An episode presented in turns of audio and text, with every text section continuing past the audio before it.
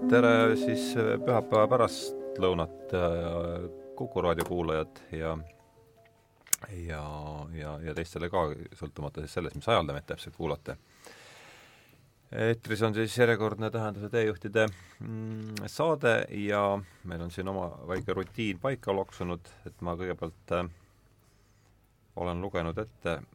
lõigu siit või sealt, mis siis peaks kuidagi selle teema maha märkima ja siis äh, räägin, kes on külas ja siis kutsun tutvustavad külalised endid ja, ja siis vaatame, kus see jutuajamine meid siis äh, kannab, et niisugune, niisugune plaan. aga siis nüüd äh, lõiguke mm, äh, raamatust ja, või siis lõiguke, mis peaks meile natukene aimu andma sellest, millest juttu tuleb Teie silm näeb küllalt palju, kui Kõrboja peremehel vaja. ja käes pole kuigi suurt lugu, sest ega Kõrboja peremehel endal ometi tarvitse heinakaartel või mujal eestegijaks olla. Temal on siin parematki teha, kui ta aga tahab ja oskab. ja seda oskab, rääkis perenaine. see on ainult nõnda rääkida, ütles Villu. kuidas nii ainult rääkida, küsis perenaine. ega siis Kõrbojale ainult peremeest vaja ei ole, ütles Villu. peremehe ametiga saaks ma ehk toime, aga see teine missugune teine päris perenaine nagu, nagu ei mõistaks ta, mis Villu öelda tahab. Kõrboja perenaisele, Kõrboja preilile on ka meest vaja, vastas Villu, ja selleks ei kõlba ometi minusugune sant. Aga kui see Kõrboja perenaine ja preili seda santi tahab, ütles perenaine, siis ei taha sant mitte, vastas Villu kindlasti ja teravalt. see on teine asi, lausus perenaine nüüd. ja jälle nutis ta omaette männitüve, tüvi najale no on tõenäoliselt vähe äh, kuulajaid, kes ei oleks ära tundnud, et see lõik oli siis äh, Tammsaare Kõrboja peremehest ähm,. osad võib-olla mäletavad ka seda, et kevadhooajal oli meil terve saade pühendatud Kõrboja peremehele ja minu saatekülalisteks olid siis Tõnu Õnnepalu ja Kaie Mihkelson. sedapuhku on lugu pisut keerulisem, et äh, ei ole saade äh, nüüd otseselt romaanist küll, aga suvelavastusest, mis kandis pealkirja Kõrboja perenaine. ja mis aastal see, millal, mina nägin seda sellel suvel, millal teda, millal see esimest korda? Kolm aastat tagasi siis. jah, kolm aastat tagasi tuli ta siis. kaks tuhat viisteist. Ugalas, eks ole? Ugala suvelavastus. Ugala suvelavastus äh, mängiti ta siis Vargamäel, jättis mulle ühe jah, suurema teatrielamuse viimasest ajast julgeks ma ütelda, et mul on väga hea meel tervitada siis kahte selle äh, lavastusega otseselt seotud inimest, dramaturg Urmas Lennuk ja lavastaja Valla Kirseks.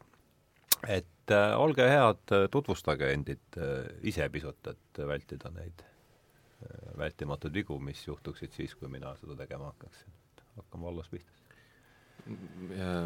mina olen siinviibijatest kõige noorem, äh, kaheksakümmend seitse aastal sündinud äh, lavastaja, näitleja, Vallo Kirjas, töötan hetkel Ugala teatris. Äh, olen Rakvere poiss, Rakveres sündinud. esimeses keskkas käisid või kolmandas? Kuidas seda nüüd nimetatakse, vist esimeseks keskaks, ehk siis Rakvere gümnaasiumis minu jaoks. Reaalgümnaasium? ei. aa, ei Reaalgümnaasium on kolmas nüüd, vastu, vastu, õige, jah, just, täpselt, jah. ehk siis seal käis ka minu isa ja aa, siis me oleme koolivennad? ahah vana Valge Maja siiski püsib veel endiselt. ma olen sassi, et Reaalgümnaasium on ju kolmas, eks, nii et me oleme kõik mm. Rakvere poisid siin, siis tuleb välja. no praegu küll, jah vaata aga, ole hea. jah, ei. ei midagi rohkem. Urmas? Ma võin veel täiendada, et Vallo on isa ka natuke aega just olnud. et, et napid, napid kuud aga mina olen Urmas Lennuk ja siis sündinud seitsekümmend üks aastal ja õppinud ka lavastajaks, aga praegu töötan Rakvere teatris lavastaja dramaturgina. no nii, me siin märkisime maha ka sellise üldise jutuajamise suuna, et leppisime kokku, et võiks kõigepealt rääkida üldse selle asja nagu saamisloost, et kust tuli see mõte kolm aastat tagasi. Ja siin on muidugi omaette küsimus, see on veel teine, niivõrd kui need nüüd õnnestub siin lahutada, et mis, millega meil siis õigupoolest tegemist on, on see dramatiseering, on see erine, on see omaette asi, et võib-olla neid kõike või vahest niimoodi neid asju juba koos vaadata, et aga räägime kõigepealt, teeme ringi sellega peale, et kus see, kuidas, kus see idee sündis üldse, miks? miks Tammsaare või siis lennuk, Tammsaare aineline lennuk praegu? no võib-olla see algus on kusagil seal, et eh, no esiteks mm, see, kuidas me üldse lennukiga kokku saime, aga ja et, et kuidas me teineteise töid oleme märganud, see Kõrboja perenaine ei olnud meie esimene töö, meie esimene töö koos oli äh, Ugala teatris ema oli õunapuu äh,, kus kohas Lennuk oli dramaturg, kirjutas näidendi ja mina lavastasin Ugala teatris, see oli meie esimene kokkusaamine äh, töös. Mm,. Ja võib-olla, et sealt hetkest või sellest hetk-, koostööst alates sündis ka mõte mingil hetkel midagi veel koos teha. Ja kui mulle tuli taaskord pakkumine teha mm, midagi Tammsaarelt äh, Ugala suvelavastusena. see tuli väljaspoolt, see idee? Äh, noh jah, see enamasti on niimoodi, et muuseum aa, see oli ju kohast, sealt kohast kinni, eks mm. ole asi pidi toimuma Vargamäel, ma saan aru. jah, noh ja Vallo oli seal varem teinud ühe väga, väga kihvt lugu, oli see Vanad ja noored oli ta siis, eks ole, ja ja siis ilmselt muuseum sealtkaudu siis hakkas vaatama, et meil võiks midagi sama kihvti veel olla sest Vanad ja noored oli, eh, oli siis väiksema koosseisuga äh,, toimus selle vastus Aidas, oli siis samamoodi Tammsaare äh, nooruspõlve novellidest kokku kirjutatud äh, selline äh, näidend aga see ei olnud Urmase? see ei olnud Urmas, see oli siis koostöö Tõnis Parksepaga. aga kui me mõtlesime et võiks teha midagi suurt, äh, ühte suurt lugu Tammsaarelt, siis me jõudsime mm, seal ühiselt mõtteid vahetades Ugla teatris siis äh, Kõrboja peremehe materjalini ja Urmase lennukini, et äh, ehk oleks tema nõus meile spetsiaalselt midagi kirjutama Ugala teatrile ja võimalikult suurele Ugala teatri trupile, sest et minu soov oli see, et, et et kuna mulle seal, seal kohapeal nii väga meeldis mm., see koha vaim ja see kuidagi see on omaette asi, on ju? omaette see on kogemus seal suvel viibida, et mm. proovisaalis tegime tihti seda nalja, et et, et kui me mingisuguse noh, et, et see lok-, loksub seal paika mm., et ja loksuski ja loksuski jah, et, et seal on, seal on oma mingisugune spetsiifika seal. on täiesti jah, seda tunneb isegi ju, juhukülaline aga jah, et, et soov oli siis teha midagi suurt, äh, võimalikult äh, suurele Ugala teatritrupile, äh, et ähm, ja, ja, ja kaasasime ka massidesse osalisi, et, et lõpuks oli siis lava peal ligi kolmkümmend näitlejat, ehk siis suur show, jah. ja, ja kui me selle ideega Urmase juurde jõudsime, siis me hakkasime noh, kusagilt oli kuulda, et Urmasel on ka see materjal nii-öelda Varnas, et, et ta on mõelnud seda materjali ise ka kunagi dramatiseerida. Ja ja see jõudis minuni läbi meie ühise tuttava Heigo Tederi, kes siis meid uuesti niimoodi kokku viis, et võib-olla sa, Urmas, räägid sinu enda esimesest kokkupuutest selle mõttega, et kirjutada?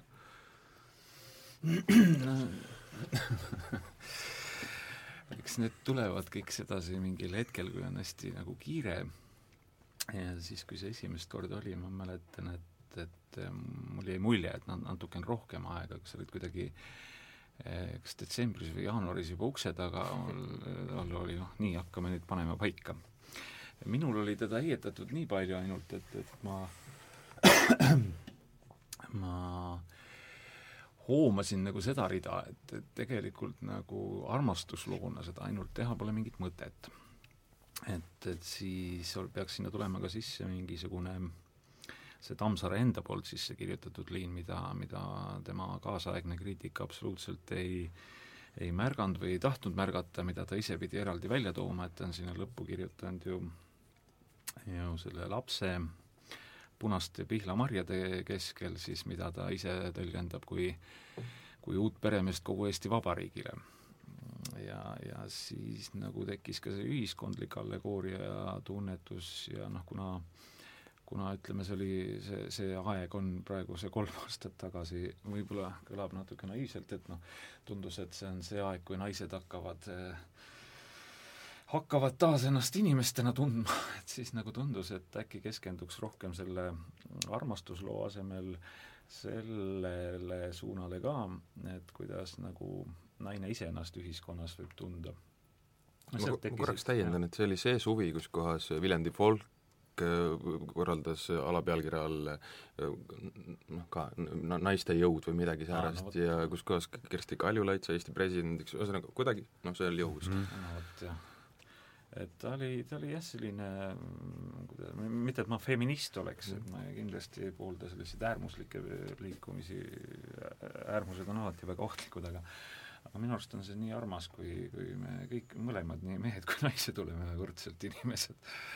et see on nagu minu arust kunagi, kunagi seda niimoodi ilmselt jumalal plaanis oli, oli ka luua. lihtsalt vahepeal on need asjad sassi läinud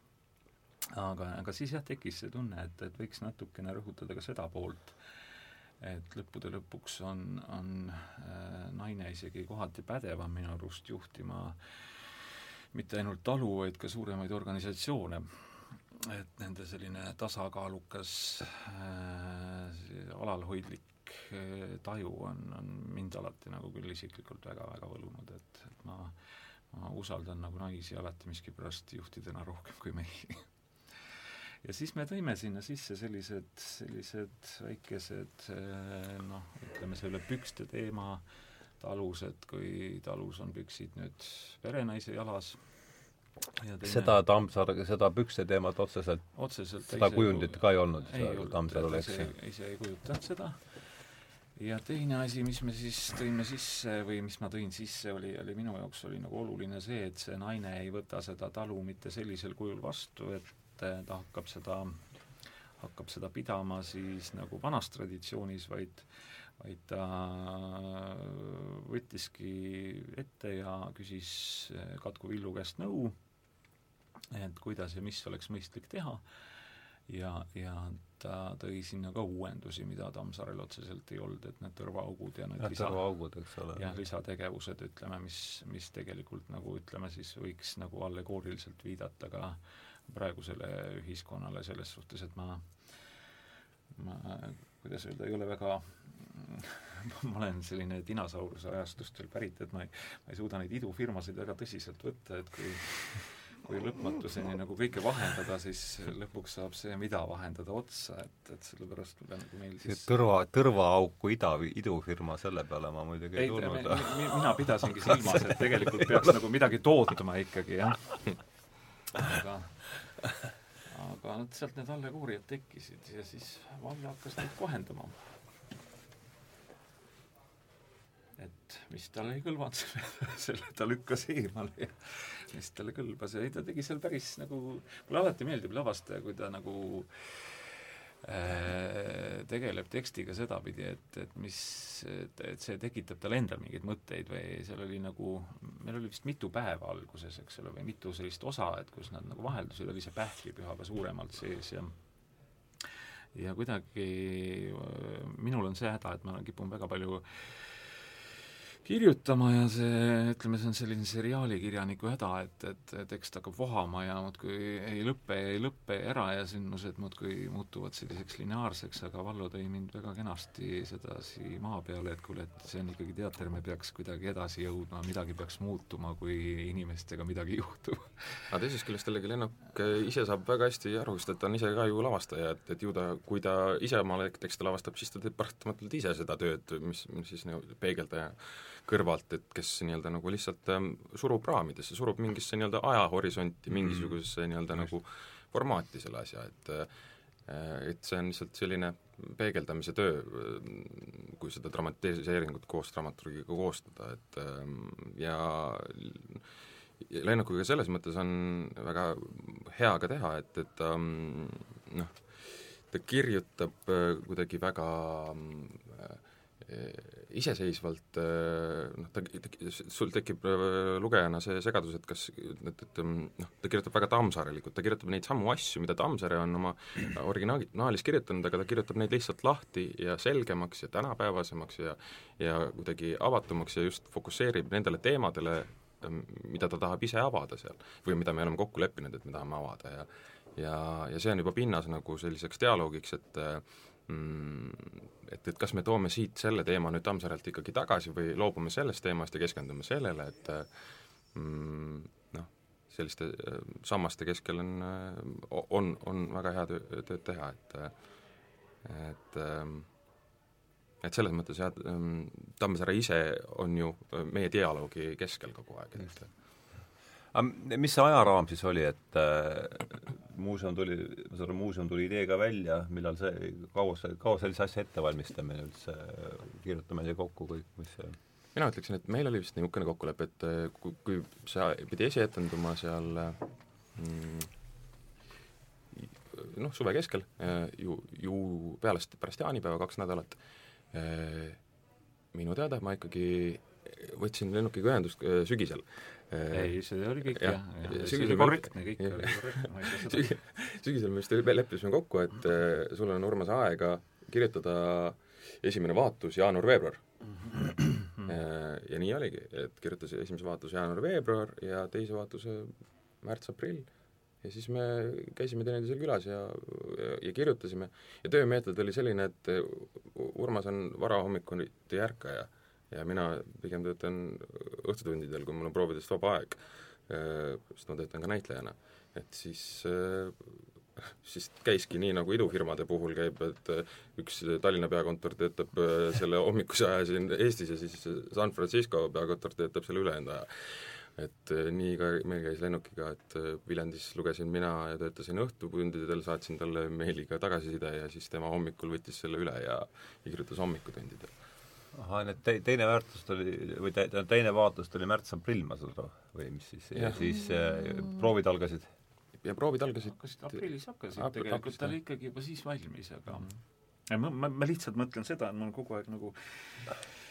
kui ma sügisel midagi kokku lepin, et see on järgmiseks suveks, siis ma enamasti ütlen, et noh, ma siis jaanuaris hakkan vaikselt sedasi mõtlema ja joonistama ja siis aga aga lihtsalt Vallo oli nagu krõpsti ukse taga, et nüüd hakkame pihta. ja siis, siis, siis ei olnudki enam kuskile nagu põgeneda, sest ega ma hea meelega venitan natukene seda alustamist, et alati tundub, et et võiks nagu et kui hi-, mida hiljem alustada, seda paremini alustada aga tegelikult ei pruugi üldse nii olla. aga jällegi, see ajaraamis jällegi teatril on omad plaanid, eks ole, ja teatril on tegelikult juba selles sügisel on nii-öelda nagu trupp paigas, et noh, et selles mõttes peab ka nagu tegijatel olema see plaan paigas, et kellega teha ja kui suures mahus teha, et et selles mõttes äh, mingid nagu kokkulepped olid meil juba sügisel nagu olemas, et kui, kui suure, noh, suure trupi ja millal te siis ta, millal te esi-, mis, mis aja see esitendus oli, pärast jaani? pärast jaani teine-kolmas juuli. ja see on ju, ma kujutan ette, et see on teil hästi läinud, eks? ja seda mängiti kolm suve, ma vaatasin eile lihtsalt meeldetuletuseks, et mis ta siis äh, arvuliselt oli, et äh, kuna sinna mahtus viissada inimest saali või sinna väljale, tribüünide peal, et äh, teda mängiti kolm suve ja kakskümmend kaks tuhat pealtvaatajat kolme suve peale kokku. no see, ma, ma ei kujuta, mis need Eesti numbrid meil siin on, aga see on ikka vist ikkagi ka kõvasti sealt, sealt ei no ütleme, et näiteks Tartu Uus Teater tegi Narvas ikka praegu selles suhtes rekordi. aa, ah, see Joola asi või? jah, palju nad seal, nad tõid ühe suvega praktiliselt sellise arvu, aga see on ka ütleme, see oli väga, see oli väga erinev, see oli väga erinev sellest, ma Eesti mastaabis on see ikkagi väga-väga suur hulk inimesi, mis nad seal kohale tõid, et, et tavaliselt on ta jah, pigem ütleme neli-viis tuhat on sellise suvelavastuse noh, või kümme tuhat väga eluiga, eluea peale, kui ta on läbi mitme ühe, ühe aasta selline noh, kui on suurem vaatajate hulk, siis, siis vast nii palju, aga aga minu arust seda kolme aasta peale on väga viisakalt, et, et see on nagu noh, oluline on lihtsalt, lihtsalt see, et, et, et ta oli kogu aeg täissaalidel, et ja noh, piletid olid juba enne esietendust müüdud ja siis, kui ta nad no, müüki paisati, siis nad olid enne etendust algust juba välja müüdud, et et eh, noh, see lihtsalt märk sellest, et ta läheb publikule nagu korda, et et, et vaata, et aga noh, seal on väga paljuski ikkagi selle Tammsaare selle koha fenomen, et inimesed mm., inimesed otsivad seda paika ja nad tahavad sinna tulla mm.. et noh, see paneb ka tegijatele selles mõttes nagu mm, noh, ikkagi nagu väga suure kohustuse koorma, et -hmm. et sa ei tohi seal midagi nüüd noh, ühesõnaga sul on endal see latt on kõrge, millest üle hüpata, et sa pead endast maksimumi andma seal et tohib ikka, ega see ma ise olen enne seda seal kolm korda teinud ja ja, ja, ja tegelikult ma ütlen, noh, esimene kord ehmatas küll ära, kui me saime proovida keskel arvutisse, et jumal, me oleme ju sellises kohas, teeme sellist asja, et mis nüüd saab aga no ütleme, see oli hea idee. et teine kord ma mäletan, et me mõtlesime, et kas prooviks nagu natukene ka murda ja sellist äh, teha natukene intellektuaalsemaid mänge, kui Tammsaare ise võimaldab seda ja siis, siis oli näha ikkagi seda momenti ka, et kui kui ta ei lähe päris, ütleme, Tammsaarega nii otseselt Jaaku või tema elulukku läheb ja tema teostega Jaaku, me tegime seal Vargamäe voonakest, nagu tegimegi siis Indrek on Tammsaare alter ego, et siis ta ei, ei too see kohavaim ka neid inimesi ikkagi nii massiliselt kohale, et mm -hmm. et ikkagi ta peab olema, olema autorist lähtuv ja siis, siis nad tulevad sest ega rohkem vist seal polegi, kõik ülejäänud asjad on ju olnud ikkagi, ikkagi Tammsaare enda asjad, et et see Vargamäe voonake oli, oli siis nagu see läks minust täitsa mööda, et mis mis seal toimus üldse? no seal me tegime niipidi, et, et kui proovisimegi Elem Treieri teostest välja tuua neid kohti, kus siis, mis viitavad sellele, kuidas äh, Anton Hansen või siis A punkt H Tammsaare, nagu, nagu ta ametlik pseudonüüm on, oli Indreku kuju ütleme, ehitanud siis enda alter ego pealt, et Reieril on selle kohta päris palju nagu nagu materjali kogutud või ütleme, selle Tammsaare kodanikuna siis on, on, on väga palju seda ainest andnud, aga aga ma ütlen, et noh, kuna ta keskendus võib-olla nii Tammsaarele endale, siis, siis ta äh, siis ta ikkagi inimestele nii suurt huvi ei pakkunud, et meil kõik oleks välja püüdnud olnud, et ta mm. ikkagi sedasi, me tegime ka muidugi vabas õhus. mängisite seda sama koha peal? kusjuures me, kummaline, et me mängisime seda samas, aga teisel pool aitasid olid meil, me mängisime, taidad olid nagu, kui kõrboajal olid nad, nad see külg näha, mis meie Vargamäe voonakeses ei olnud näha, et meil oli sinna ehitatud selline kaarlava. et ta oli niisugune taeva ja maa piiril aga jah, et see, selles suhtes ma ütlen, et ikkagi peab olema hea lavastaja ka, et, et, et see, see Tammsaare ise ainult ei too sinna inimesi kohale. no vot, et seal on mõnes mõttes, kui lihtsalt nagu tuua paralleel, et et kui me teatrisaalis mängime kuus korda kuus lavadel ja ütleme siis võib-olla siis portaali vahe on kaheksa meetrit ja sügavus on seal kaksteist meetrit, et et ja siis sa oled vabas õhus, kus kohas on sul lava, mis on äh, noh, nende la-, laius on sada viiskümmend meetrit ja sügavus on omakorda seal kakssada meetrit või, või, või siis vastavalt sada meetrit, et see on need mõõtmed, noh, sa võid loomulikult ka väiksema pinna peal mängida, aga tegelikult sul see võimalus ja see loodus on ju nii noh, see on nagu väike laps, mis on laval või, või, või loo-, loom, mis on laval, et noh, see loodus ise mängib ja see on nii nagu suur ja võimas, et et ja seda toob ka õudselt palju määramatust sisse. ära määramatust ja, ja, ja siis on ka, et seda, aga seda täita eluga on, on väga põnev ülesanne, et äh, noh, see on lavastajale äh, väga värskendav sealt sellest mustast saalist välja saada ja, ja vab, lavastada vabas looduses, sest et noh, siis on sul juba ka väga paljud nagu antused juba ees. ja, ja Tammsaare sünnikodu on ju tegelikult noh, see, kuidas me selle, selle koha leidsime, et me käisime seda talvel vaatamas lumega et äh, kus kohas siis see meie lennuki idee võiks siis teostuda ja sul, Vallo, oli see esimene kord seal teha seda asja? ei, sa olid varem teinud? ma olin varem teinud. varem teinud? ma olin varem Aidas teinud. Mm, ma olin varem Aidas teinud ja ma teadsin seda kohta ja ma, ja ma, jah, ma olen ka äh, ikkagi ju varasemate teostega ennast kokku viinud, et et kes kus on midagi seal lavastanud, et ma teadsin, et Andres Noormets on ka seal all teinud kas Tõde õig-, juudit ta tegi juudis tegi välja peal. jah, selle telgiga veel. aga jah, et, et, et noh, see, see, see, see koht, nii nagu Tammsaare mm, ütleme siis looming võimaldab äh, väga palju äh, kuhust kohast võtta, kaevuda mingisse teema, teemasse, mingit teemat avada, mingit materjali lahti avada, nii on ka see tema sünnikodu selline, kus kohas on neid mängupaikasid ja tegelikult väga palju mit- ja mitmeid. et äh, ja sinna Saunikuteni me jõudsime jah, äh, läbi selle, et et mulle tundus, et see, see maja äh, on võimalik jaotada ära kahe pere vahel, et üks pool on kõrboja äh, äh, pool mm -hmm. ja teine on siis see katku pool. ja, ja kui publik seda keskosa näeb, kus kohas nad vahepeal kokku saavad, siis siis see ongi see kesk, keskel see kokkusaamise koht ja ja, ja nii noh, nii, nii nagu see, see maastik tingis meie dramatiseeringut, nii meie võtsime sellest maastikust ja tegime sinna, äh, sellele maastikule selle dramatiseeringu, mulle tundub. jah, ei, seal on tegelikult ju Kõrvpojad ka mängitud, et et mul nüüd tuleb meelde, et oli ju see trassilavastus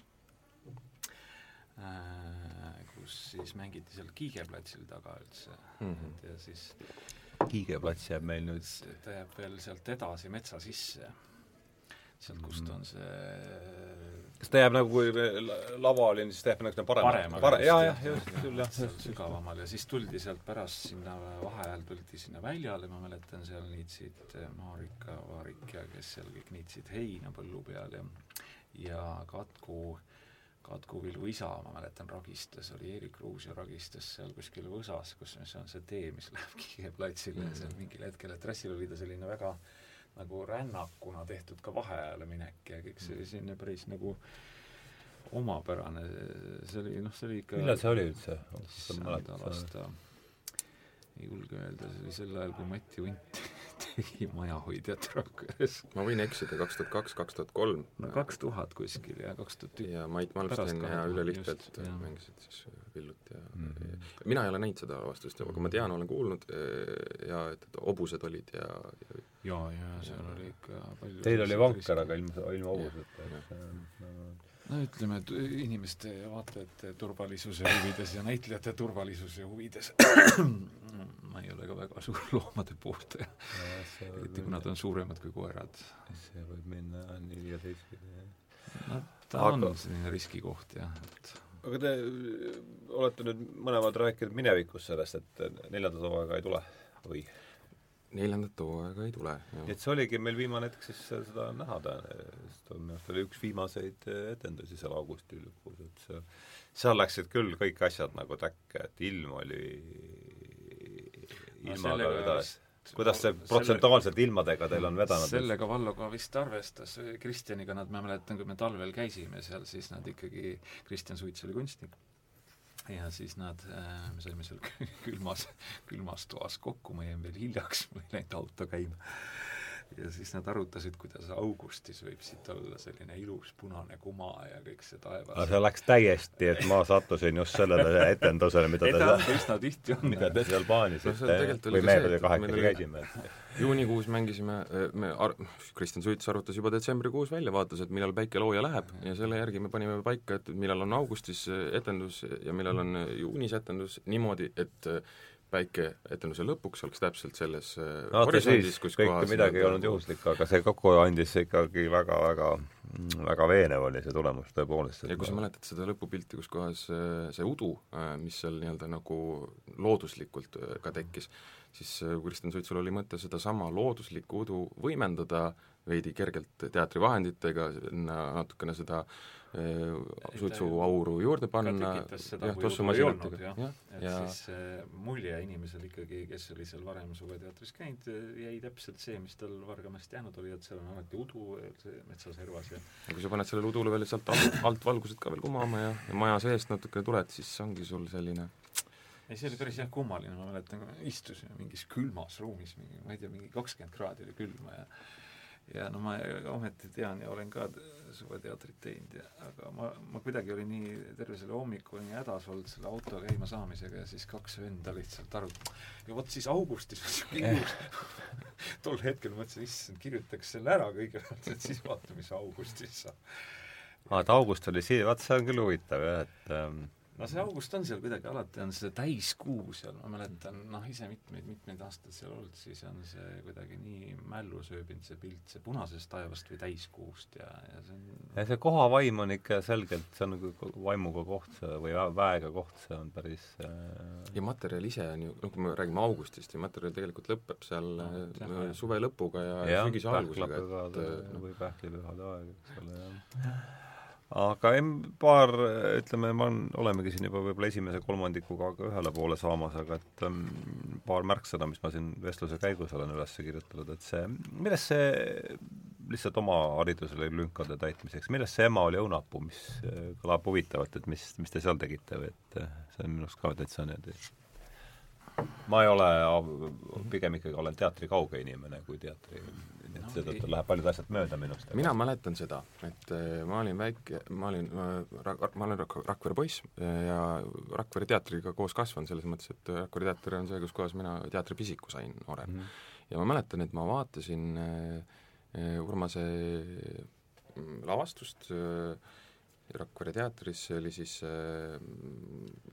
Päeva lõpus. päeva lõpus see teine osa juba, jah. Ja, ja siis ma sain hiljem teada, et sellel päeva lõpus lavastusel oli ka nii-öelda mõtteline esimene osa, ehk siis Rongid siin enam ei, mida lavastati kunagi Ugala teatris, kus kohas mängis siis Geert Raudsepp ja mm, Erni Kask oli Erni Kask mängisid seal vendasid ja Leila Säälik. ja,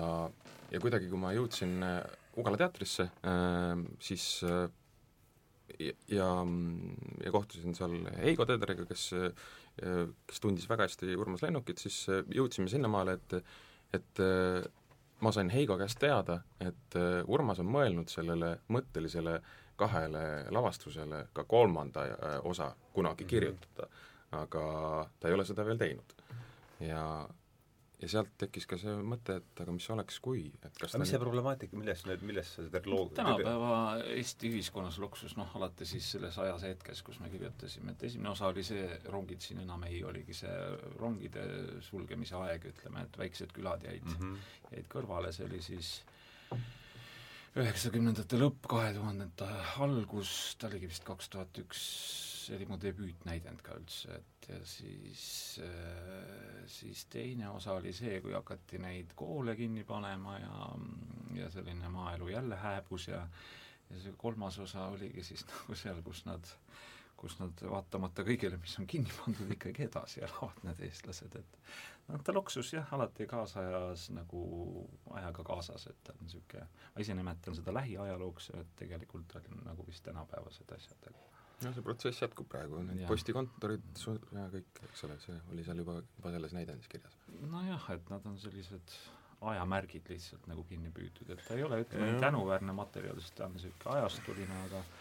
aga keegi peab seda ka tegema ja siis ma alati armastan nagu selliseid Eesti asju teha. ja huvitav, ma kuulasin üle, lihtsalt vahemärkuseks, ma kuulasin seda, no ei jõudnud kõike jälle muidugi, aga seda kevadist saadet, mis me Tõnu ja Kaiega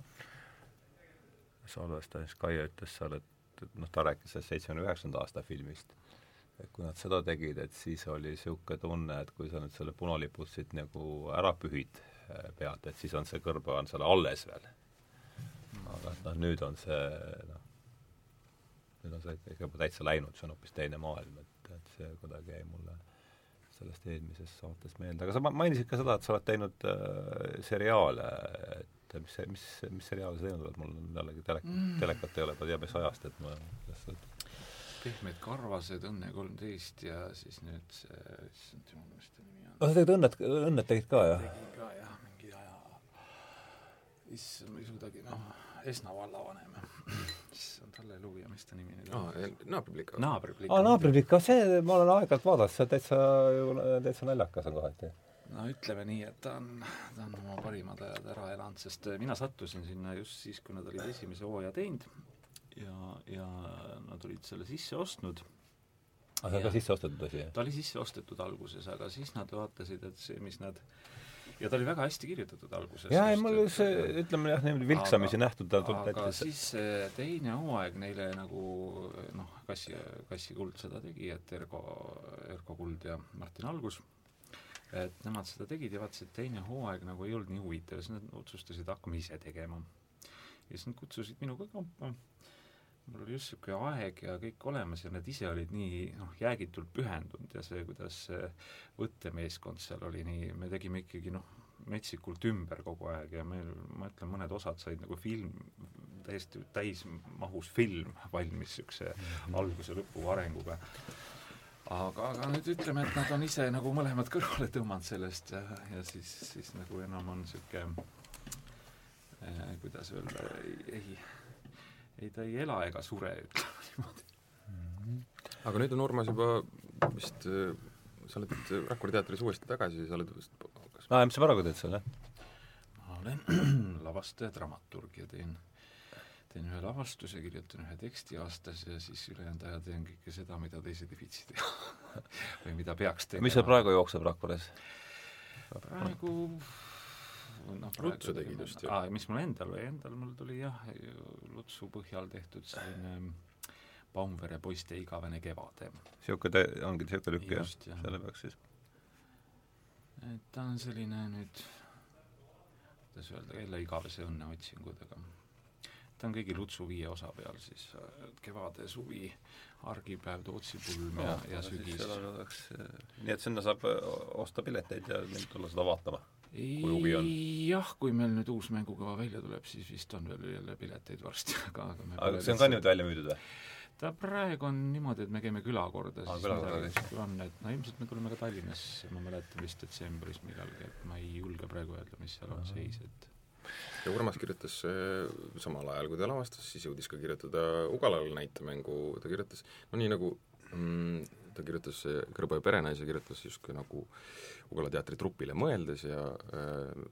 nii kirjutas ta siis ka lu-, Luule Komissaarovile ja Peeter Jürgensile mõeldes äh, täitsa omaette näitemängu Meistrite liiga, mis siis nüüd esietendus ka laupäeval. seda ma nägin seal, minu meelest selle flaier oli, oli väljas seal, kui, kui me vaatamas käisime seda, Peeter Jürgens mängis äh, Katku Jüri või? ei, Peeter Jürgens mängis, Jürgens mängis aa, ei olnud, ei olnud jah, ei olnud, ei olnud, sassi, jah, ja, ja, ja, ja ta ei olnud, teda ei olnud selles lavastuses üldse. selles lavastuses ei olnud jah, ta oli paralleelselt. luule hakkas küll jah, kõrbojast alates ah. seda ajama peale, et kuule, et nüüd sa pead mulle ka midagi kirjutama ja, ja, ja. nagu ajanud ja, ja selle ei olnud, Peeter Jürgens seda ei olnud jah, mul läks sassi. aga luule on ise ka, ta on hirmus selle Vargamäe fänn, et talle nii kohutavalt meeldib seal kohapeal käia. kas ta, oli ta Rein Õde mängis seal või? Rein Õde, jah. Rein Õde ja see vana perenaine siis, kes on kogu oma elu sinna ohverdanud, et Tammsaarel oli hästi õrnalt nagu sisse pandud, et jah, ta oli palju, sinu selles asjas oli ta palju kandvam, oli tal see asi, eks? nojah, ütleme niimoodi, et, et Tammsaarel on see, et ta prosaistina saab endale lubada seda, et mingid asjad jätab nagu õhku või mingeid asju ei vii ära, et teatris on see natuke raskem, et teatriks tegelane lihtsalt ehitada nagu valmis ja siis ta jääbki sinna rippuma, et tegelikult tal peab algus ja lõpp olema, et et selles suhtes nagu, nagu ongi see dramaturgi töö nagu natukene sa pead parandama kõik need vead, mis, mis dramaturgiliselt on proosaautor teinud, kuigi noh, ta ongi proosat kirjutanud aga kena, me oleme siin no täitsa edukalt on läinud äh, kolmveerand tundi juba, et äh, võib-olla läheks siis selle teise osa juurde, et räägiks sellest lavastusest lähemalt, et äh, võib-olla hakkaks selle nurga pealt pihta, et, et tegelikult oli ju niisugune väga traditsiooni, traditsiooniline lavastus ja ma ütleks, et seal ei olnud mingeid nahku ülikondades kedagi mootorratta peal ja et, et noh, kuidas siis nüüd niimoodi, et uuendu-, uuendust ei ole kuidas siis nüüd niimoodi? vaatan ma. Nõutu näoga lavastajale otsa nojah, et, et justkui, et, et klassikat on juba nagu tehtud, et noh, ja Tammsaare võiks ju pidada ju klassikuks ja, ja ta ongi e-, Eesti kultuuriruumis ju klassik, aga et, et kuidas siis nüüd nii, et, et seda klassikut äh, nüüd üks-ühele, aga, aga tegemist ei ole ju ka päris üks-ühele, eks ole, tegemist on dramatiseeringuga, mis kuidagimoodi nii-öelda nagu selle fookuse suu-, teravikku suunab nagu mõnes mõttes väga pilguga kaasaega ja, ja aga teisest küljest on äh, jällegi see koht, kus kohas äh, see välja tuleb ja kus kohas ta lõpuks nagu mängima hakkab, äh, et kui sul on see antus, et, et see loodus mängib seal nii palju kaasa ja sa tead, et see päikeseloojang seal lõpus tuleb ja sa tead, et need, need majaseinad on seal sellest vannutatud puidust pehkinud juba aastasadu, et noh, et kui, kui need tingimused on seal ette antud, siis sa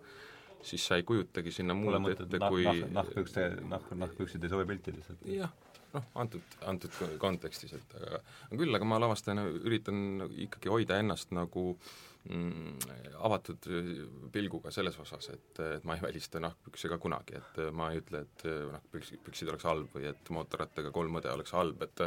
et see, see, see on, ma arvan, väga vajalik nii-öelda nagu selline etapp neid läbi käia, et, et lavastajana ära tunda, mis on sinu vahendid, et aga enne sa pead need vahendid nagu läbi käima. ja mis, mis kuhu sobib, jah? just, just. et mitte nagu jääda nagu oma meelis, ma ei tea, sellise žanri juurde väga kiiresti, vaid läbi käia lavastajana need erinevad äärmused, noortelavastused, lastelavastused, täiskasvanutele väiksed draamad, suured draamad, vabaõhulavastused, minimalistlikud sellised teosed, et tunda ära oma need käsitöövõtted, mis sulle endale meeldivad. Mm.. ja, ja, ja selle Tammsaare puhul ma lihtsalt olen ära tundnud küll, et, et see autor mulle lihtsalt nii kohutavalt meeldib, et ma tunnen temas en-, ära iseennast ja, ja mingisugust ajastu hõngu. ma võin küll öelda, et tegelikult ega noh, Vallo on no mitte mingeid uuendusi teinud nüüd, aga selles suhtes on ta nagu väga, väga kihvtilt teinud selle Kõrboja minu jaoks, et, et ta on selle dünaamika seal ikkagi niivõrd noh, sellise suure trupiga äh, järgida seda dünaamikat, see nõuab tohutut niisugust püsivust, niisugust pusimist lavastajalt, niisugust käsitööoskust, et selgitame selle lahti nüüd natuke, et see on niisugune, et ah, tundub olevat oluline koht, et mida see tähendab, jah, selle, et see kuulaja ei ole niimoodi. õudselt mõnus on ju klassikat teha niimoodi, ma vaatan sellise pika pilguga kuskile tulevikku ja ütlen neid sõnu raske rõhuga, nagu tehti siin, eks ole, veel kümme-viisteist aastat tagasi. et, et sellist nagu klassikat mängida klassika võtmes. et seda, seda ma olen kahjuks ise ka näinud ja, ja noh, tol ajal tundus see päris huvitav, aga, aga too oligi vist see, see asi, mis mind ennast Tammsaare juurde vedas, ma mõtlesin, kas me tõesti saame, ei saa siis seda Tammsaaret teha niimoodi, nagu ta lugedes jätab mulje sellise kergeõhulise. et minu arust Vallol on ta just tehtud sellise Äh, seda, ta on kasutanud kõiki tänapäeva sellise lavastaja vahendeid, et ta on teinud ta niimoodi, et need kõik need üleliigsed paatosed on sealt kadunud. seda küll ei olnud. just, et aga, ja ta mõjus väga sellise orgaanilise elusana, et, et see on tegelikult väga-väga suur töö ühelt noorelt inimeselt eriti, et eriti kui ma olin Vallo töid näinud enne, mis olid minu jaoks segased kunagi noh, kui ta kooliteatris tegi äh, Kuressaare äh, Kuressaares on selline traditsioon, et seal käivad kõik kooliteatrid koos, kui ta ise koolis käis veel, et see oli väga huvitav vaadata, mis nad tegid oma, oma mõttekaaslastega. ma ei saanud midagi aru, aga mul oli väga huvitav. Et nüüd ta minu arust on siia võtnud just selle selle, sellise nagu sellise kiiruse ja dünaamika ja sellise orgaanilisuse sisse, aga ta ei ole seda vana klassikalist ära lõhkunud, vaid ta on sellest võtnud just selle, mis teda toetab et minu arust on see väga kihvt oli, mul, mul oli väga-väga-väga hea meel seda näha, et üks noor lavastaja suudab võtta ja teha niimoodi rahulikult, süsteemselt ja väga elusa asja, et, et see oli nagu, ma ütlen, et seda noh, eriti klassika puhul ikkagi paljud ei, ei valda. aga see tuleb jällegi sellest samast äh, materjalist, ehk siis äh, mm, noh, mõnes mõttes, kui sa loed äh, Kõrbeja peremehe, mehe äh, romaani, et ta on selline, ta on mõnes mõttes ikkagi intiimne lugu, et, et seal ei ole ju väga palju selliseid äh, suuri massisündmusi ja, ja selliseid nagu seda, seda sama voolavust ja, ja jooksvust. Või noh, mida on siis lennuk, aidanud juurde tekitada, et, et selleks, et see, need intiimsed stseenid Anna ja Villu vahel saaksid nii-öelda nagu püünele tõusta, selleks peab seal olema nagu ehitatud selline nagu taustsüsteem, selle põhi, mille, see küla põhi, mille peal see elu nagu põhineb ja, ja seda ja... teksti saab ka teha empaatiasega, aga, aga kui, kui, kui on loll lavastaja, siis ta suudaks teha küll ja mitte tappa selle täiesti ära. paatos seal tõesti ei olnud, see on mina sellepärast just nagu noh, me pidime siin kolmandat tööd ka hakkama tegema, just sellepärast ma nagu Vallo poole võtsin, aga, aga, aga, aga meil kuidagi tekkis vist mõlemal see, et tahaks natukene tõmmata aega maha ja ja siis me nüüd lükkame seda vaikselt edasi, mis ei tähenda, et meil kolmas töö kunagi ei tule, et ma mõtlesin just see, mis alg-, noh, seal palju asju, mis nagu tõmbasid järjest niimoodi etendusse kuni lõpuks. kas see oli kunstnik, kes mõtles selle juba seal äh, tollel talve, külmal talvepäeval selle augustikuu valguse peale või? Äh, jah, tema vaatas kohe mis, mis tema nimi oli? Kristjan Suits mm, -hmm. ka geniaalne mees väga hea. kõik, mis tema puutub, muutub pullaks, et Kristjan Suits. just sealt ma sain ka endale Paumere posti igavesse kevadesse. ta tegi, ta teeb seda ka või? ta tegi seal väga kihvti lahenduse, et ma ütlen, et minu, mulle, mulle kunstnike poolt parim antud lava üldse, peale Vargamäe muidugi ja sa said ju veel ka Kulla Malva endale nii no, Vai Vai Vargamesse kui kes ka... oli ka Kõrbojas muusikat kaasa tegev, see too lõõtsaga mees seal kes, sealtkaudu jah, mul Kulnoga hakkaski tekkima side ja Kulno kaudu saime Kristjan Priksi juurde, nii et ühesõnaga me oleme igatepidi sümbioosis selle, selle kõrgpoja perenaise kaudu. Küll nüüd, jah. Aga jah, et see, ütleme, esimene asi, mis mind nagu tõmbas sellesse etendusse, oli just see külarahva ja, ja, ja see oli ka esimene koht, kus ma, noh, ega tulin ju ette valmistamata, ega ei ole ju aega ja et, et noh, et kõrva peremees ja perenaine ja kas ma seda pead, pealkirja, aga see, see külarahva dialoog ja see, see keel mind, mind võlus ja see on ju kõik sinu kirjutatud, seda Tammsaarel ju ei ole, eks, et mul oli niisugune tunne, et sa oled ikka selle murretega näinud no, kõvasti on... vaeva vist seal, et see oli nii hea ja, ja samas kuidagi niivõrd truu ühest küljest Tammsaarele, et see oli minu arust ikkagi täitsa no sellele ma võin patendi võtta, et et, et kui ma esimest korda Tammsaarega kokku puutusin, see oli siis Pärnu ja Rakvere ühislavastus Vargamäe kuningriik. Ja et siis ma avastasin ühe huvitava asja, et ähm, Tammsaare lause, mis on iseenesest väga selline mitmekihiline ja, ja enamasti väga põimlause äh,, sisaldab endas tegelikult sellist nagu, kui teda lihtsalt öelda ära, ühte sellist nagu ürgset eestilikku noh, sisu. Et aga, aga selleks, et seda nagu kõlama panna niimoodi lihtsalt ka verbaalses näitleja esituses et, et äh, võtsingi lihtsalt algriimi või ja, ja, ja, ja mingi sellise ütleme, regivärsilise momendi ja, ja hakkasin jah, selle see... kaudu neid tuletama ja ütleme, seda ma olen nüüd teinud kas see töötab jube väga hästi? jah, et siin on omad nüansid, mida, mida peab jälgima, aga tegelikult on see ka puhas matemaatika, ma ütleks, et Aha.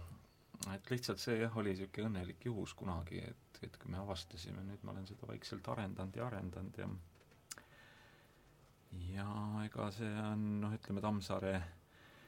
eh, enda loomingut lugedes, siis, siis ta järjest ava, avab ka mingeid uusi, uusi võimalusi, et, et ma arvan, et kunagi, kunagi ma ise loodan näha, et on tõesti õigusest tehtud ka ka selline mm, noorte räpi versioon, sest ta tegelikult nagu see see Tammsaare lihtsa, lihtsakoeline sisu või mitte lihtsakoeline sisu, ma ei tea, kuidas ma ütlen, niisugune selge sisu siis, et lihtsakoeline kõlab nagu, nagu oleks mingisuguse labase asjaga tegemist, aga aga see lihtne ja selge sõnum, et nagu seda saab tegelikult väga hästi et see on väga sarnane tegelikult sellele, mida, mida kasutab tänane räppmuusika oma sõnades, et et lihtsalt see, ütleme, need vahendid on natuke erinevad, kui tema ajal oli, Tammsaare ajal oli hästi, hästi kuidas öelda, noh, inimese lugemisoskus algaski ju tegelikult sellest, et mida lugeda oli, oli piibel ja kristlik kirjandus ja selle, sellepärast oli ka Tammsaarel väga palju selliseid vanatestamentlikke kuju, kujusid ja sümboleid seal sisse toodud, et ta oli ju inimesele arusaadav, ta kõnetas teda, ta, ta sai ise neist märkidest aru, et noh, tänapäeval on need natukene nihkunud, nii et siit ma arvan küll, et kunagi võiks midagi ma ise tahaks seda hirmsasti näha, mitte teha, teha võib-olla ei oska aga vaatama läheks küll. aga selles mõttes on Urmas äh, väga huvitav kuju, et, et ta, ta sõna, noh, sellistest vestlustest tal tulevad äh, need mõtted, mida ta niimoodi paotab välja, et et Tõde ja õigus räpi kujul äh, äh, esitatuna noh, nii samamoodi on ta välja paisanud mingil hetkel vestluses, sõprusvestluses, et ta tahaks teha Tõde ja õigus lastele, laste versiooni Tõest ja õigusest ja ja seda ei ole meil veel vist? seda on meil olemas juba. on olemas? Ugala teatris Vai, Vai Varga oo oh, jaa, ma nägin kuskil seda samust eh, plak-, kas võib olla, et plakatid on praegu väljas? jaa, ta mängib juba teist aastat vist, jah oota, kelle oma see on? mul on seda ka kirjas. Urmase lavastatud, Urmase kirjutatud, Ugala teatris, ta on praegu mängukavas. aga, aga jah mi, mis ma... nimi see on? Vai, Vai, vai, vaene Vargamäe. Vai, Vai, just täpselt. ja oli, tekkis mõte, et seda võiks Vai, Vai, Vargamäe. aga jah, et, et mul, mul, ma lihtsalt peegeldan, et see on sama nagu sünnilugu, et, et see on üks mõte, millele kasvab see maht ja keha ümber ja siin on juba see, kuidas ta teostab? vai, vai, vaine var-, vai, vai, vaene Vargamäe, siin on just seesama sees, millest me äsja rääkisime, eks, see vabandust. Mhm. jah, just, just. ei, ega, ega Vallo külvab samamoodi, noh, ega tegelikult vaata sa ise ei märka lihtsalt, sa ju ma mäletan, kui sa seal köögis istusid ja seal laua taga heietasid, eks ju, mõtlesin ohoh-ohoh-ohoh, panin ikka päris mitu asja kirja, ma ei mäleta, kas me sellest rääkisime, ma isegi ei mäleta, mis need olid, aga aga vaata, need mõtted või need asjad tegelikult noh, me kõik külvame neid, aga lihtsalt on see, et mul tuli üks ise neid ei märka. jaa. mul tuli üks asi meelde, ma lugesin ka seda Ellen Treieri raamatut ja seal tulid need arhetüübid, kes need seal külas olid ja ma kuidagi surusin hirmsasti sulle peale seda ühte seda eh, luuapoolikut eh, ja sa võtsid kätte ja kirjutasid selle ära ja see oli noh, üks tegelane seal aa, üks oli jah, üks, üks, jah, jah, jah. et et mul on hirmsasti vaja niisugust lõuapoolikut ja siis kuidagi sa nak-, nakkusid sellest. see töötas väga, väga lavastaja annab sellise võimaluse sulle noh, ke-, kellegi kaudu lüüa neid asju lahti, eks ole mm., siis ma peaks olema ikka puruloll, kui ma seda ära ei kasutaks mm. -hmm. et aga see oli jälle noh, see oli sinust tulenev idee, et, et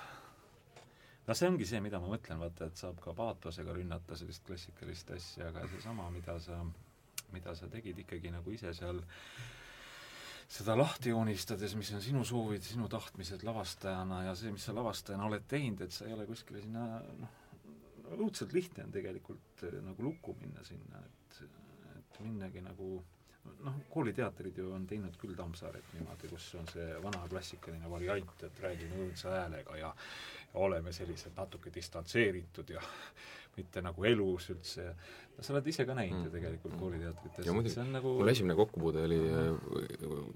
Kalju Komissarovi erialatundides kooli ajal äh, Tammsaarega, kusjuures oligi Kõrbe peremehest tegime see ikka Komissarova äh, käe all oli see? jah, mina olen üheksanda kursuse lõpetanud Viljandi Kultuuriakadeemias Kalju käe all ja, ja see, kus ma tundsin ennast ise näitlejana teisel kursusel, teise kursuse kevadel äh, Äh, kui me läksime Tammsaare äh, siis nii-öelda mm, stseenide kallale, et noh, Tammsaare võtsime sealt Tõest õigusest katkendeid ja võtsime ka Kõrbe peremehest ja ja kus ma tundsin, et äh, iseennast näitlejana kuidagimoodi kergelt avanevad Kalju käe all, siis oli, oli just Katku Villuna, et mõnes mõttes need on ka need lavastaja valikud, et, et sa mida sa ise tahaksid, et sinuga tehtaks, et noh, et, et seda sa siis nii-öelda lavastajana teed teistele, et et ma tundsin väga seda, et, et, et noh, näiteks see Kõrbe perenaise eh, üks nii-öelda saamisloo nii-öelda algmõte oli see, et ma tahaksin väga, et et võimalikult suure Ugala trupiga saaks koos ühiselt olla ja midagi teha, sest see oli periood Ugala teatris, kus kohas meil oli just eh, maja läinud remont, lahti ja me liikusime väga väikestest kooslustest mööda Eestit hästi palju ringi, me olime seal UBB-s kitsikuses kokku surutud ja noh, need kõik need miski raskused, mis me, meid valdasid, et noh, oleks vaja ühte niisugust kokkusaamisprotsessi ja siis ja siis sealt tekkis ka see mõte, et noh, et aga miks mitte siis suvel me saame koos olla Teil külalisi ei olnud ju, kõik olid olid külalised ka? olid külas ka, jah, ma jah, ütleme ei vana Jaugala tuttav Egon Nutter oli seal. Egon Nutter oli küll. Yeah. ta on juba pal-, palgaline külaline varsti Egon Nutter mängis ju Reinu, eks ole, oli üks, jah. ja sama, Kulna, Kulna Valva mängis seal muusikuna äh, kaasa ja et... aga nüüd äh, esiarmastajate paar oli kohalik, olid ikka Ugala, eks ole et ilusti, väga ilusti oli mängitud ja kõik, kuidagi kohe täitsa niimoodi. Ma olen ikka mitu korda teatest ära tulles äh, mõelnud, et ma enam sinna oma jalga ei tõsta, aga vot sellised asjad nagu tõesti äh, et mul on väga hea meel, et seda tegite, et te siin olete. ikka tuleb minna jälle, sest ma ka mõnikord mõtlen, et aitab küll aga tegelikult jah, ikka keegi kuskil teeb jälle südamega midagi ja siis on nagu jah, siis on hea, siis on küll hea olla kohal, kui see asi nagu juhtub. aga äh, räägime sellest nüüd veel, et äh, nagu ma siin teile ka eile saadetud meilis ütlesin, et tahtsin küsida, et miks Tammsaare? aga et, et kas, kuivõrd see küsimus üldse on nagu õige, no loomulikult on see lugu, lugu on ju Tammsaare oma aga kui palju nüüd on ikkagi tegemist selle eraldi, selle eraldiseisva teosega ja kus üldse dramatiseerida, noh jällegi ei teeks ilmselt paha mulle, kui asja kaugel inimesele selgitada, et see, mis on üldse see dramatiseeringute sellised põhi, mis see, mis see pro-, probleem, probleemistik seal üldse on, ma saan aru, et nii, nii palju ma saan aru, et Tammsaarel siin on, eks on väga palju asju toimub ju ridade vahel, eks. just. ja, ja dramaturgi ülesanne on see sealt siis ridade vahelt äh, välja tuua. jah, ja seal veel valikuid teha koos lavastajaga. seda, see veel niikuinii, jah. aga ei, ma ise olen kunagi töötanud ka sellises institutsioonis, nagu oli mm, eh, issand, nüüd on ta Eesti Teatriagentuur, aga mis ta siis on, näitemänguagentuur, jah. et seal ma pidin ka tegelema teatridramaturgina, ma sinna kuulusin, sellesse komisjoni, kes hindab siis dramatiseeringuid, mul on veel aitäh ah, mul see oligi. Ja ma pidin hindama siis dramatiseeringuid ja seal meil läks käibele üks selline mm, selline kriteerium, et on olemas on olemas äh, sekretäri dramatiseering, et see on siis see, kui mida võib teha ka teatrisekretär või ükskõik, võib ka pangasekretär otsib otsese kõne välja? otsis otsese kõne välja, kirjutab selle ümber ja siis ongi nagu dramatiseering tehtud. et see on nüüd see üks võimalus ja, ja sealt edasi hakkavad need teised võimalused, et, et mida siis saaks tegelikult nagu nagu, nagu ma siin ennem ka rääkisin, et tegelikult on väga tähtis see, et, et proosakirjanik saab nagu äh, no ma kasutan sõna laiema või laamendada rahulikult selle sõnadega tekstis, tegelikult ta teeb ise ka seda väga kontsentreeritult, aga, aga et äh, draama või teatri poole pealt vaadates on ta nagu natuke lihtsalt lahmib. Või noh, minu jaoks, et ma ei saa seda kasutada, mul pole sellega midagi teha, ta ei kirjutanudki tegelikult ju seda, et seda hakatakse teatris mängima, ma saan aru. aga dramaturgina ma vaatan seda ja siis ma äh,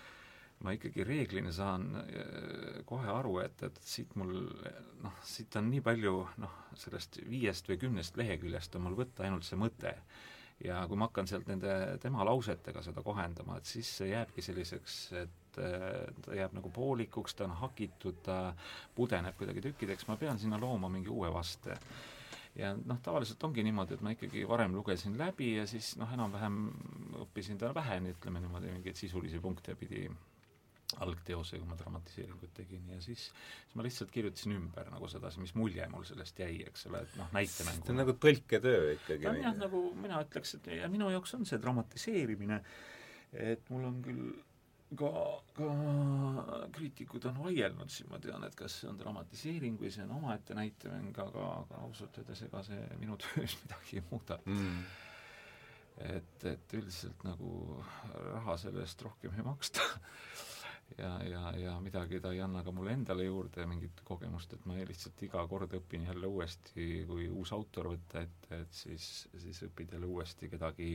kedagi tundma ka selle poole pealt, et kuidas tema nagu tegelikult noh, mingitele probleemidele läheneb, et mul just oli Kivirähk siin oli siin mingi kolm aastat, kaks aastat tagasi, tegime Rockveres tema maailma lõpus ja kuramus, ma olen Kivirähku lugenud ju küll, aga kui hakata niimoodi lugema, et sa pead nagu tema, tema teosest tegema dramatiseeringu, kui, kui rikastav ja kui äge see mm. tegelikult mm. oli, et noh, ma ütlen, et tegelikult võiks nagu ma olen ise mõelnud, et võiks mõningad oma vanad lemmikud võtta nagu selle pilguga uuesti üle lugeda, et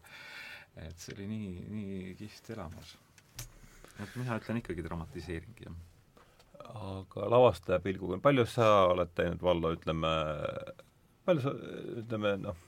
nendest lavastustest, mis sa teinud oled, paljud on dramatiseeringud, paljud on, äh, paljud on näitemängud äh, mhm. niimoodi mm -hmm. laias laastus no,? laias laastus äh, pooleks, võib-olla isegi rohkem dramatiseeringute poole kaldu, sest et äh, mulle isiklikult tegelikult väga meeldib lavastajana äh, koos dramaturgiga see teekond eelnevalt läbi äh, käia, ehk siis see, see nii-öelda, kui, kui Lennuk ütles, et see on tõlketöö selle autori tõlketöö dramatiseeringusse, meie dramatiseeringusse, millele me keskendume, siis see on mõnes mõttes lavastajale on see väga tugev eeltöö enne proovisaali minekut, selle materjaliga nagu läbinisti tuttavaks saada. et sa tead seda iga nurgatagust mm, -hmm. mis on ka selle nurga taga, mis sa, millest sa ei räägi ja mida sa oled noh, valinud, et see, see jääb nagu noh, see pole oluline. et äh, see on noh, väga kindel tunne minna proovisaali näitlejate ette ähm,, sest et sa sa valdad teemat ja sa valdad seda, seda lugu, mida sa tahad jutustada mm,. Näidendiga noh, sa pead lihtsalt siis lugema seda ja, ja ennast sellesse sisse elama nagu põhjalikumalt, et emba-kumba viisi on, on hea. aga dramatiseeringu puhul on jah, veel see võimalik, kui sul on äh, hea dramaturg, siis temaga koos nii-öelda nagu seal on võimalik nii-öelda üle, üle kontrollida või leppida ühiselt kokku, et, et et hea küll, et äh, sa nägid siin selles, selles äh,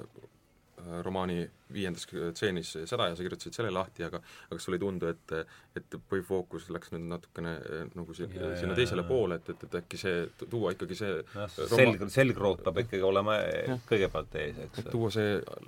autori mõte nagu siin tugevamalt esile, et, et, et mitte seda ära kaotada ja siis, siis kas te lepite kokku või, või siis ta veenab dramaturg sind ümber, et oma asja nagu ei tohi nagu julmalt raiuda, vaid see on ikkagi dialoog nagu, et, et et selgitada teineteisele, et mis see, mis see siis nagu õigem on, mis kasulikum on. vaidlesite palju või? ei vaielnud, sellepärast et noh, vaat vaielda saab siis, kui sa, kui sa ei ole milleski kindel, aga aga kuna Vallo ikkagi minu jaoks nagu väga selgelt oskas nagu maha märkida need asjad, mida ta tahab, mis tal eesmärk on, kui mulle ei anta põhjus, mul on väga lihtne sealt edasi minna. et mulle sellepärast Vallo ka meeldibki, et ta annab mulle selle äh, põhjuse või motiivi, miks seda on vaja, mida ta tahab, eks ole, ja sealt edasi on ju ainult otsi, otsi neid oma ridade vahelt, eks ole, oma, oma kohti ja ja tegele oma tööga, et, et see ongi nagu see, mis on ma ütlen, miks mul mõne lavastajaga võib-olla pole nii klappinud, kuna mõnikord, et, et, et ta ütleb, et ta tahab seda, aga, aga siis, kui ma nagu pigistan teda tükk aega, miks sa seda tahad, et seda põhjust, et, et seda ei saa, siis on väga raske töötada. aga tegelikult on see ka näitlejatel, ma vaatan, et noh, näiteks seesama Kõrbojas, et et ega neil näitlejatel on samamoodi seal taga ei ole ainult see roll, mida nad teevad, vaid selle rolli kõik need suhted, sidemed, mida lava peal ei näidata absoluutselt või noh, ma mõtlen, miks Kõrboja nii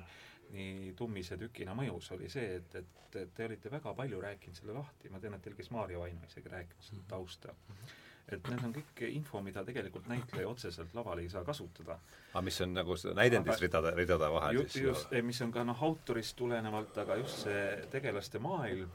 kuidagi ladestub ja seda nimetatakse ka teiseks ja kolmandaks plaaniks, aga, aga seda nagu on teatris kohe näha, et kas on,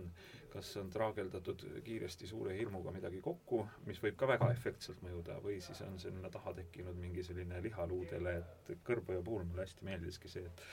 et iga see te tegelane, kes mind seal huvitas, oli nagu endale kasvatanud sellise sellise prooviperioodis sellise ikkagi nagu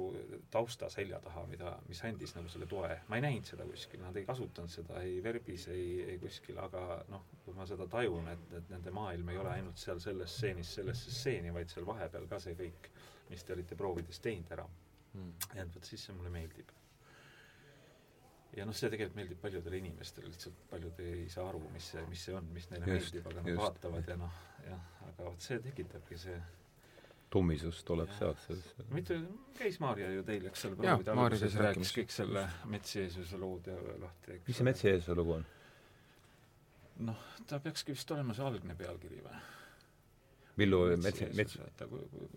issand, ma, ma olen legende nii palju kaevanud, et kas kas ei olnud mitte tal algne see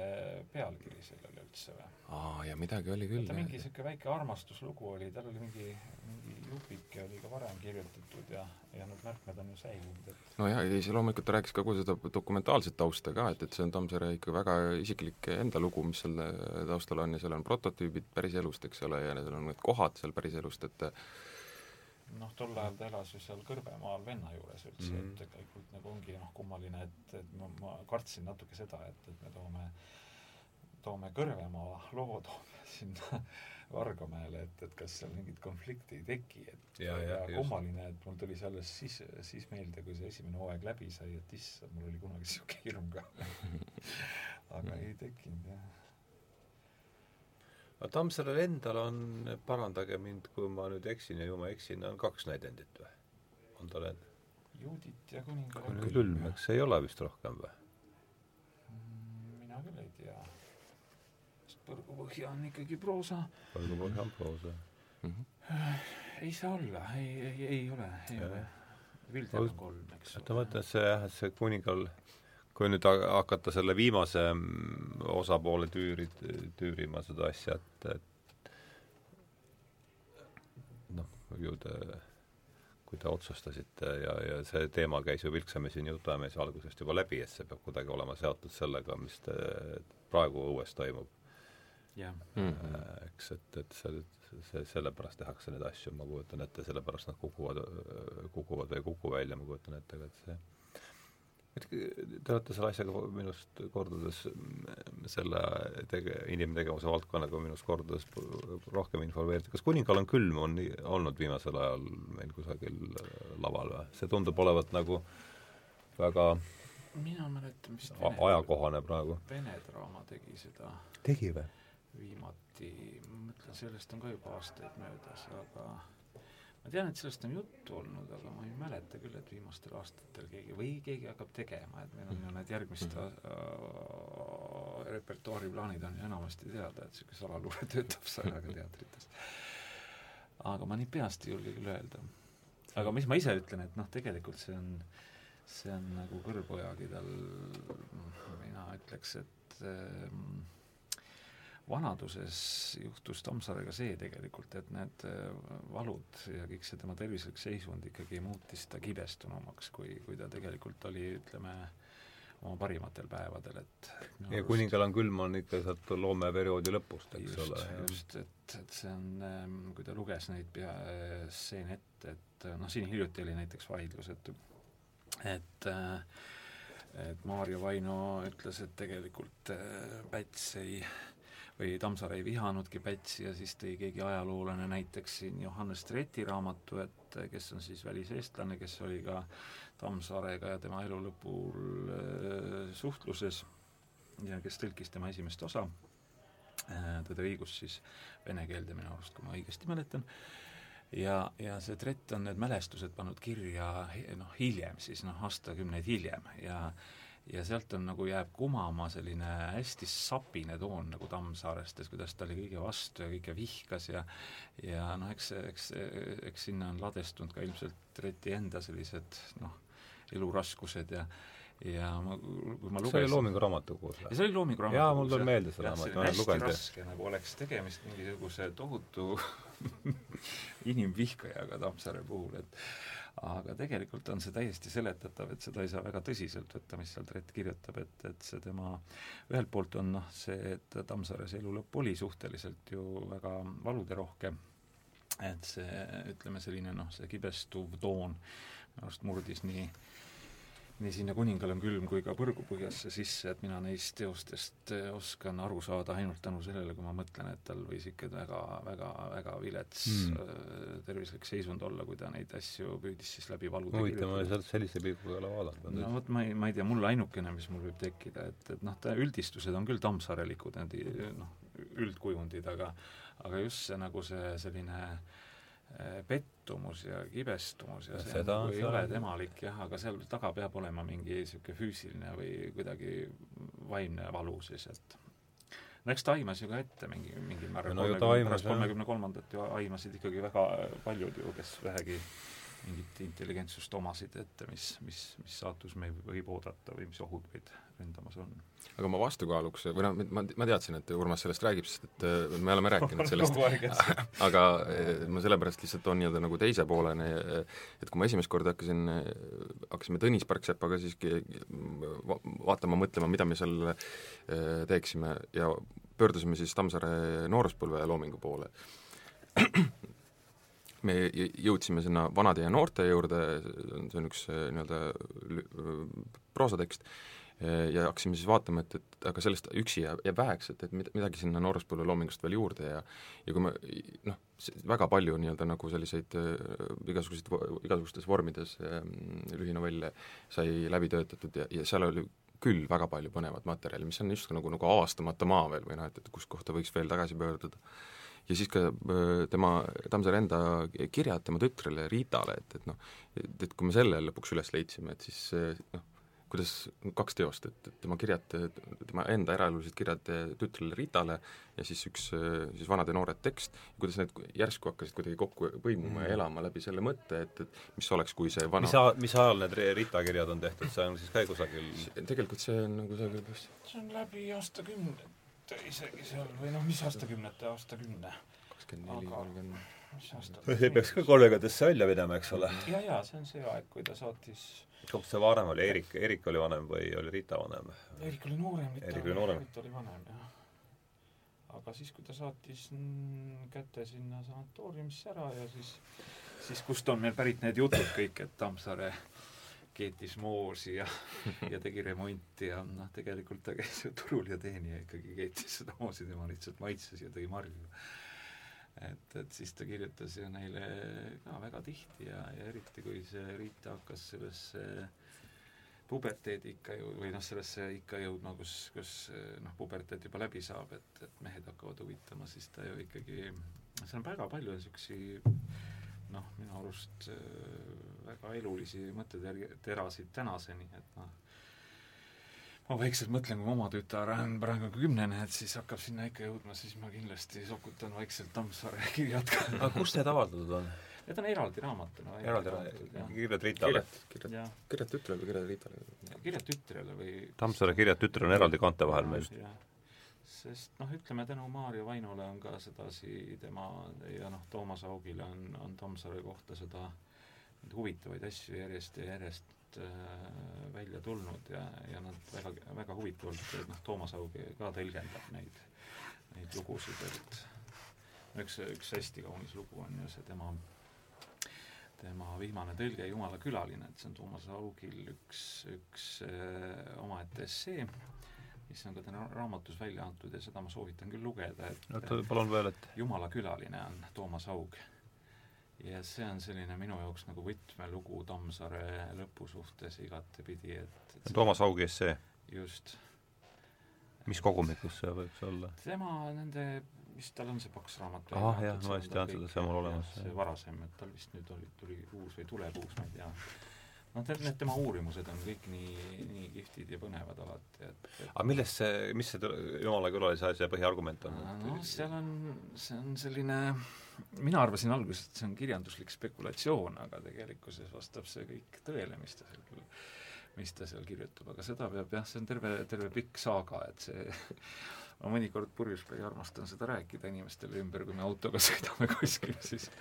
siis kõik lähevad koju ja loevad läbi lõpuks, et oligi nii või aga ta on niisugune noh, ta on noh, selline Tammsaare surma tagamaid avav ja siis samas ka nagu eh, sellise suure inimliku para-, paralleeli tõmbab, et seda tasub nagu ise lugeda, et noh, seda ma siis tõmban siia ka joone. et ma arvan, seda võivad ka võivad ka raadiokuulajad lugeda, et see, see kindlasti ei muuda kedagi halvemaks inimeseks. kordame üle siis, Jumala külaline Toomas Augi essee Tammsaarest. ja see on tema see, mitte selles viimases suures, mul on see, või on ta seal?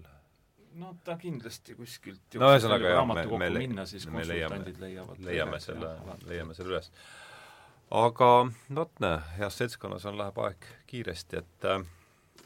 võtame selle viimase kolmandiku siis ette ja ma loen siit võib-olla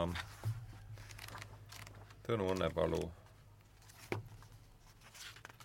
saatesõnast ühe, ühe lõigu, mis võib-olla annaks, võib-olla, sest on para-, parasiitsõna, seda ma ei ütle. Vahest annab meile mingi raami selle viimase kolmandiku jaoks. nii et siis ähm, Tõnu Õnnepalu Heli, mis on selle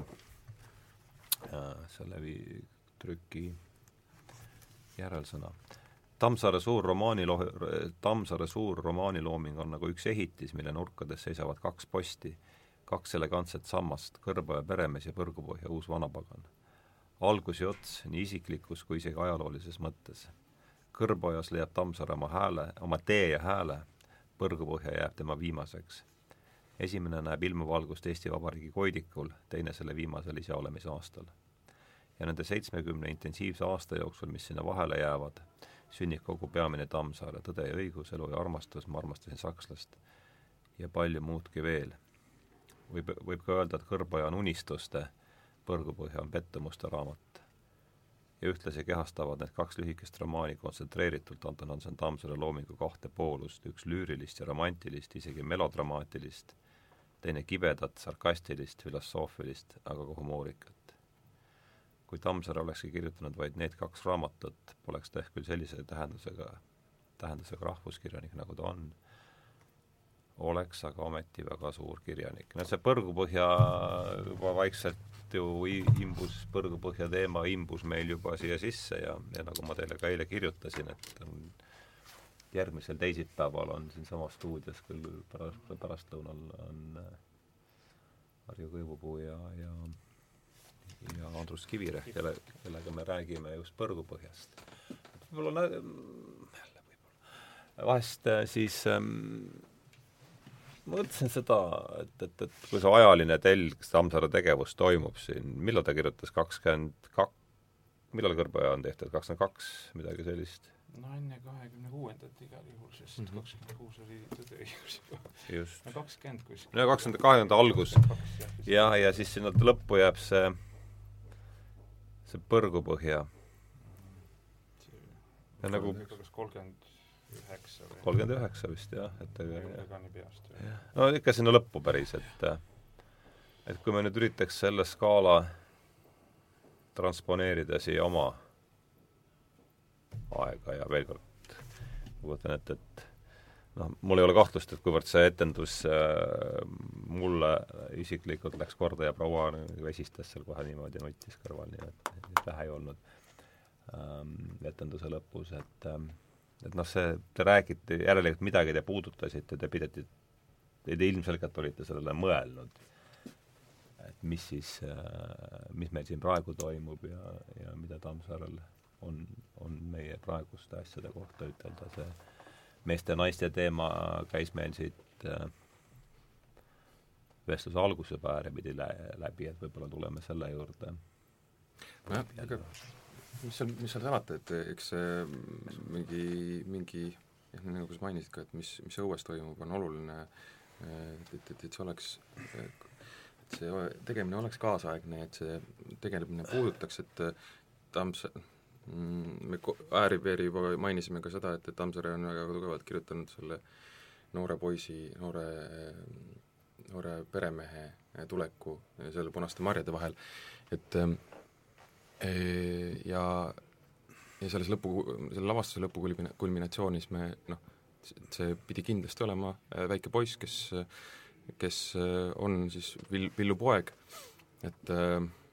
ehk see peegeldab sellist äh, ühiskonna ootust praegu ka äh, mingisuguse sellise peremehe järgi, kes ütleks, kes oleks, kes noh, kelle, kelle suunas saaks vaadata, kelle suunas saaks äh, loota, et kelle suunas saaks oma need lootused panna ja anda, et ähm, noh, ma ei tea, et kas see võimalik on, see, see on iga looja ju ise leiab need otsused, et kas see võimalik on ja iga, iga inimene ka oma eluteel, et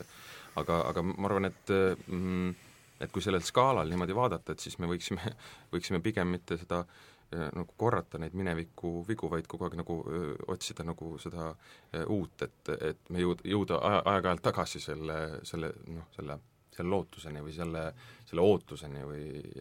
noh, ringirataste ajalugu käib, eks ole, aga aga kuidas vältida neid, äh, neid madalseisakuid või et nad ei oleks nii, selle osas ma jään vastuse võlgu, et ma tean seda, ainult seda rääkida, et, et et kui ma algselt Tammsaari juurde jõudsin, tema nooruspõlve loomingu juurde, siis, siis mul oli selline ka kujutlus, et, et et nüüd siit edasi nagu hakkangi läbi, läbi Tammsaare ajateele liikuma ja ja kulgen koos temaga ja, ja, ja loojana nagu noh, käin selle, need etapid läbi, aga siis ma sain aru, et see asi ei käi nii lineaarselt, vaid see ähm, on pigem ambivalentsem, et et, et me, meie aeg on nagu hektilisem, et meie ajastus on kord üks äh, Tammsaare leitud motiiv ja teema ja mõttestik kõne all, kord jälle teine, et äh, noh, seesama, mis Vallo praegu rääkis, on tegelikult ka vist selle aluseks alati, et kui keegi võtab mingid Tammsaare artiklid, et oh, see on nagu tänapäeval mm. kirjutatud mm., et noh, totaltunne. ta jah, tekitabki selle liikumise kogu aeg. Et miski ei arene niimoodi vaikselt, vaid ta läheb ja tuleb ja läheb ja me leiame alati neid paralleele. ja jäämegi leidma, jumal tänatud Tõnu on siin, vaatan, kuidas ta on selle oma järelsõna, sellest oli meil küll seal eelmises saates juttu, aga, aga sellest äh, lapsest ja sellest peremehe ootusest, et tal on see siin äh, üheksa osa, need aeg ja olud, kohtumised, pühad, teemal lähemale õnn, meetod armastus. Ja võib-olla see, kus me selle asja tuumale nagu lähemale hakkame, ütleme sellele augusti valgusele, et ohver ja, ja, ja siis evangeelium, et et noh, ja, ja mulle tundub see, see, see teema on siin Tõnu, mulle, see oli eelmisel korral juttu, ma ei tea, võib-olla olete seda lugenud, see, mis mulle väga meeldib, see Tammsaare kui eestluse alustekst ja eestlase pealistekk, et sealt on see mõte juba varemgi tal läbi käinud, et Tammsaare kirjutab nagu üks eestlase evangeeliumit. et, et see no mingis mõttes, kui Dostojevski kirjutas seda venelastele lahti, et siis ja see paralleel on ju mitmed korrad läbi käinud, eks, et, et et võib-olla sellest nagu ma ei tea, ma pean sellest võib-ollast nüüd kiiresti saama lahti. Andma raadiokuulajatele mingi lubaduse. Vahest või järsku järsku et ma ei oska teile küsimust äh, siin formuleerida, pigem paneks mingid rööpad maha, äh, mida moodi te võite siis äh, või edasi vurada, kui huvi on, et see on kogu see evangeeliumi teema ja ja see on mingi selline lunastuse ootus ju selgelt läbi selle Pihlaka kuhilas istuva poisi ju tuleb, tuleb sisse, et aga veel kord, ma ei oska, ma ei oska siin väga selget küsimust formuleerida, et pigem jätan, viskaks nagu teema õhku, et kes tahab kinni hakata mina oskan ainult nii palju kinni hakata, et kui sa nüüd seda Pihlaka, poissi Pihlaka kuhilas mainisid, siis mul lihtsalt lõi kodune pilt silme ette ja ma, ma mõtlen selle peale, et mis mu äh, kolmekuune poiss praegu kodus teeb ja kuidas ta emaga hakkama saab ja et et isa on teises linnas, teeb tööd ja et tegelikult tahaks hoopis kodus olla ja vaadata, kuidas ta kasvab, sest ta kasvab nii kiiresti ja tal on iga päev mingid uued väiksed rasvavoldid tekkinud ja mis ta on, kolm kuud nüüd? ta on kolm kuud jah, ta on ehm, noh, ta on kuus kilo juba vaikselt, et noh, niimoodi emal on juba raske teda käes hoida ja teeb juba niisuguseid kilkeid ja ja vaikselt äh, õpib oma miimikat tundma ja et äh, noh, ma ei tea kui sa jõuad nagu noh, et, et ma ei kujutanud lihtsalt ette seda, et, et, et ma mingil hetkel nagu avastan sellise maailma, et ma vaatan lihtsalt väljas ringi ja, ja ma näen ainult lapsevankriga emasid ja isasid ja beebipoode ja, ja ja seda, suuri ja väikseid lapsi ja seda, et kus kolleegidel on lapsed töö juures kaasas ja ja kuidas see muutubki nagu nii huvitavaks ja see on nagu minu maailma päris osa, et et noh, et see, need on sellised sündmused elus, mis noh, no nendest on, ei saa enne rääkida, kui sa nagu ei, päriselt ei koge neid, et ma arvan, et noh, see sinu suur, need suured rööpad, mida sa seadsid, et mina jään küll vastusega võl-, võlgu võlgu. aga see oli, see oli hea, see oli hea, hea vastus minu arvates niikuinii. no Vallul on see uus peremees kodus olemas tal pole vaja enam otsida. Ma ei tea, eks kõigil meil on see oma igatsus mingi uue ja parema maailma järele, et, et tegelikult, et noh, ma ütlen, et tegelikult eh, nii nagu Tammsaare urises, eks ole, oma aja üle, meie urisime oma aja üle, et eks me jäämegi alati urisema, aga aga ma usun, et nii Tammsaare oli mingitel hetkedel ka väga rahul sellega, mis teda ümbritses, kui ka meie oleme rahul mingitel hetkedel väga sellega, mis meid ümbritseb ja see ongi nagu põhiline neil asjadel vahet teha, et et muidugi me jääme igavesti igatsema seda uut kõrbu ja peremeest, kes tuleb ja lunastab meid kõiki, aga, aga see ei tähenda, et, et me peaks vahepeal selle elu elamata jätma. see kõlab küll väga mõistliku ma lugesin eile lihtsalt äh, meeldetuletuseks, ma hakkasin kusagilt otsast võtma ja lugesin ühte arvustust äh, lennuki loomingu kohta, et üks arvustaja ütles, et äh, lennuk läbivalt kasutab oma, oma teostes niisugust motiivi, et et et ärme kogu aeg mõtle selle peale, et me ütleme teineteisele, et me armastame teineteist, vaid vaid jõuame selleni nagu noh, tegeleme sellega, et, et me ütleme seda välja, et, et ärme lükka seda kogu aeg edasi. tal oli paremini sõnastatud see kuidagimoodi, et aga mul ei tuli praegu see meelde, et, et et kui otsida, et, et siis äh, on mingid sellised, äh,